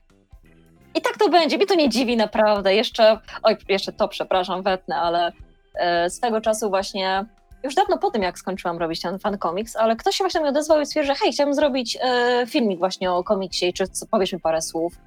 E, przez czat rozmawialiśmy tak, pisany. No i tam podpowiadam mu za parę pytań, potem wysłał ten filmik. Oglądam ten filmik i zaczyna się od tego, że rozmawiam z autorką. Sinistro, takie, Jezus, co za przypał. Nie wierzę. Trzeba było mówić, a nie pisać. Trzeba było po prostu, no nie mogę. Człowiek ze mną rozmawiał i jeszcze mnie przekręcił. Nie wierzę w to. Scena gotikowa nie zna litości. Nie zna, absolutnie nie zna, więc tak. O. Pewnie pierwszy, nie ostatni raz, że tych historii mi się na pewno, na pewno zdarzy więcej, więc ja po prostu przyjmuję to do wiadomości, to, że to, tak jest Duża zmiana niku, niestety. Ale wiesz, to, to jest ciekawe. Z jednej strony masz też historię do opowiadania. Pracowałem w sklepie z grami, więc przekręcanie tytułów gier. Mm-mm. To, to były najlepsze historie, które zapamiętałem. Zdecydowanie. Od Calzone 3, uhu. Do Alfa Proktolog, który jest jednym z moich faworytów zdecydowanie po latach. Chociaż może Uncle Benz bardziej, ale no. Bo rozszyfrujcie Uncle Benza, chociaż chyba mówiłem o tym kiedyś w podcaście, to możecie wiedzieć, co to była za gra. Ale dobra, co zrobić? Dziękuję Ci serdecznie za tą 50-minutową rozmowę, którą, którą tutaj e, odbyliśmy. Em, czy coś jeszcze chcesz dodać? To idzie 11, więc za dwa tygodnie będziecie mogli spotkać Sin Citre w Łodzi. Tak, ja ogólnie w tym roku będę dużo jeździć. Mam nadzieję ogólnie, że się spotkamy tu i ówdzie. E, Nie będę wyciągać całego mojego kalendarza, nie mamy na to czasu, ale w tym roku, w przyszłym roku będę dużo jeździć, więc mam nadzieję, że się spotkamy. I no bardzo, bardzo dziękuję za zaproszenie. Bardzo było mi miło i bardzo przyjemnie mi się e, rozmawiało. Mam nadzieję, że powiedziałam coś z przynajmniej raz. Jak najbardziej. A wszystkie twoje sociale będą i tak e, zamieszczone w opisie podcastu, O, więc super. bez problemu znajdziecie na. Czy, a właśnie, czy twoje rzeczy można kupić wysyłkowo? Nie, myślę o sklepie internetowym powolutku, ale to wiesz, to też jest plan na przyszły rok, więc e, nie nastawiajcie się. Czyli musicie jeździć na konwenty. Tak, Stricte póki co offline. Nie ma innej opcji, nie ma po prostu. Dobra, super. To dzięki w takim razie, że byłaś z nami. Dziękuję Ci również za, za zaproszenie. I porozmawiane. Dzięki, że byliście z nami. Następny odcinek to już jest łódzki odcinek, nie? P, p, p, prze... No tak, chyba nagramy coś po prostu w Łodzi. Tak, nagramy w Łodzi i będzie wielki powrót e, samochodowego odcinka wracając w niedzielę. E, to już z Michałem, z Michałem nagram. A, Michał oczywiście będzie przedstawiony tak, jak powinien być przedstawiony, ale to dowiecie się w następnym odcinku. A dzięki, że byliście z nami w tym i słyszymy się za dwa tygodnie. Do usłyszenia, cześć.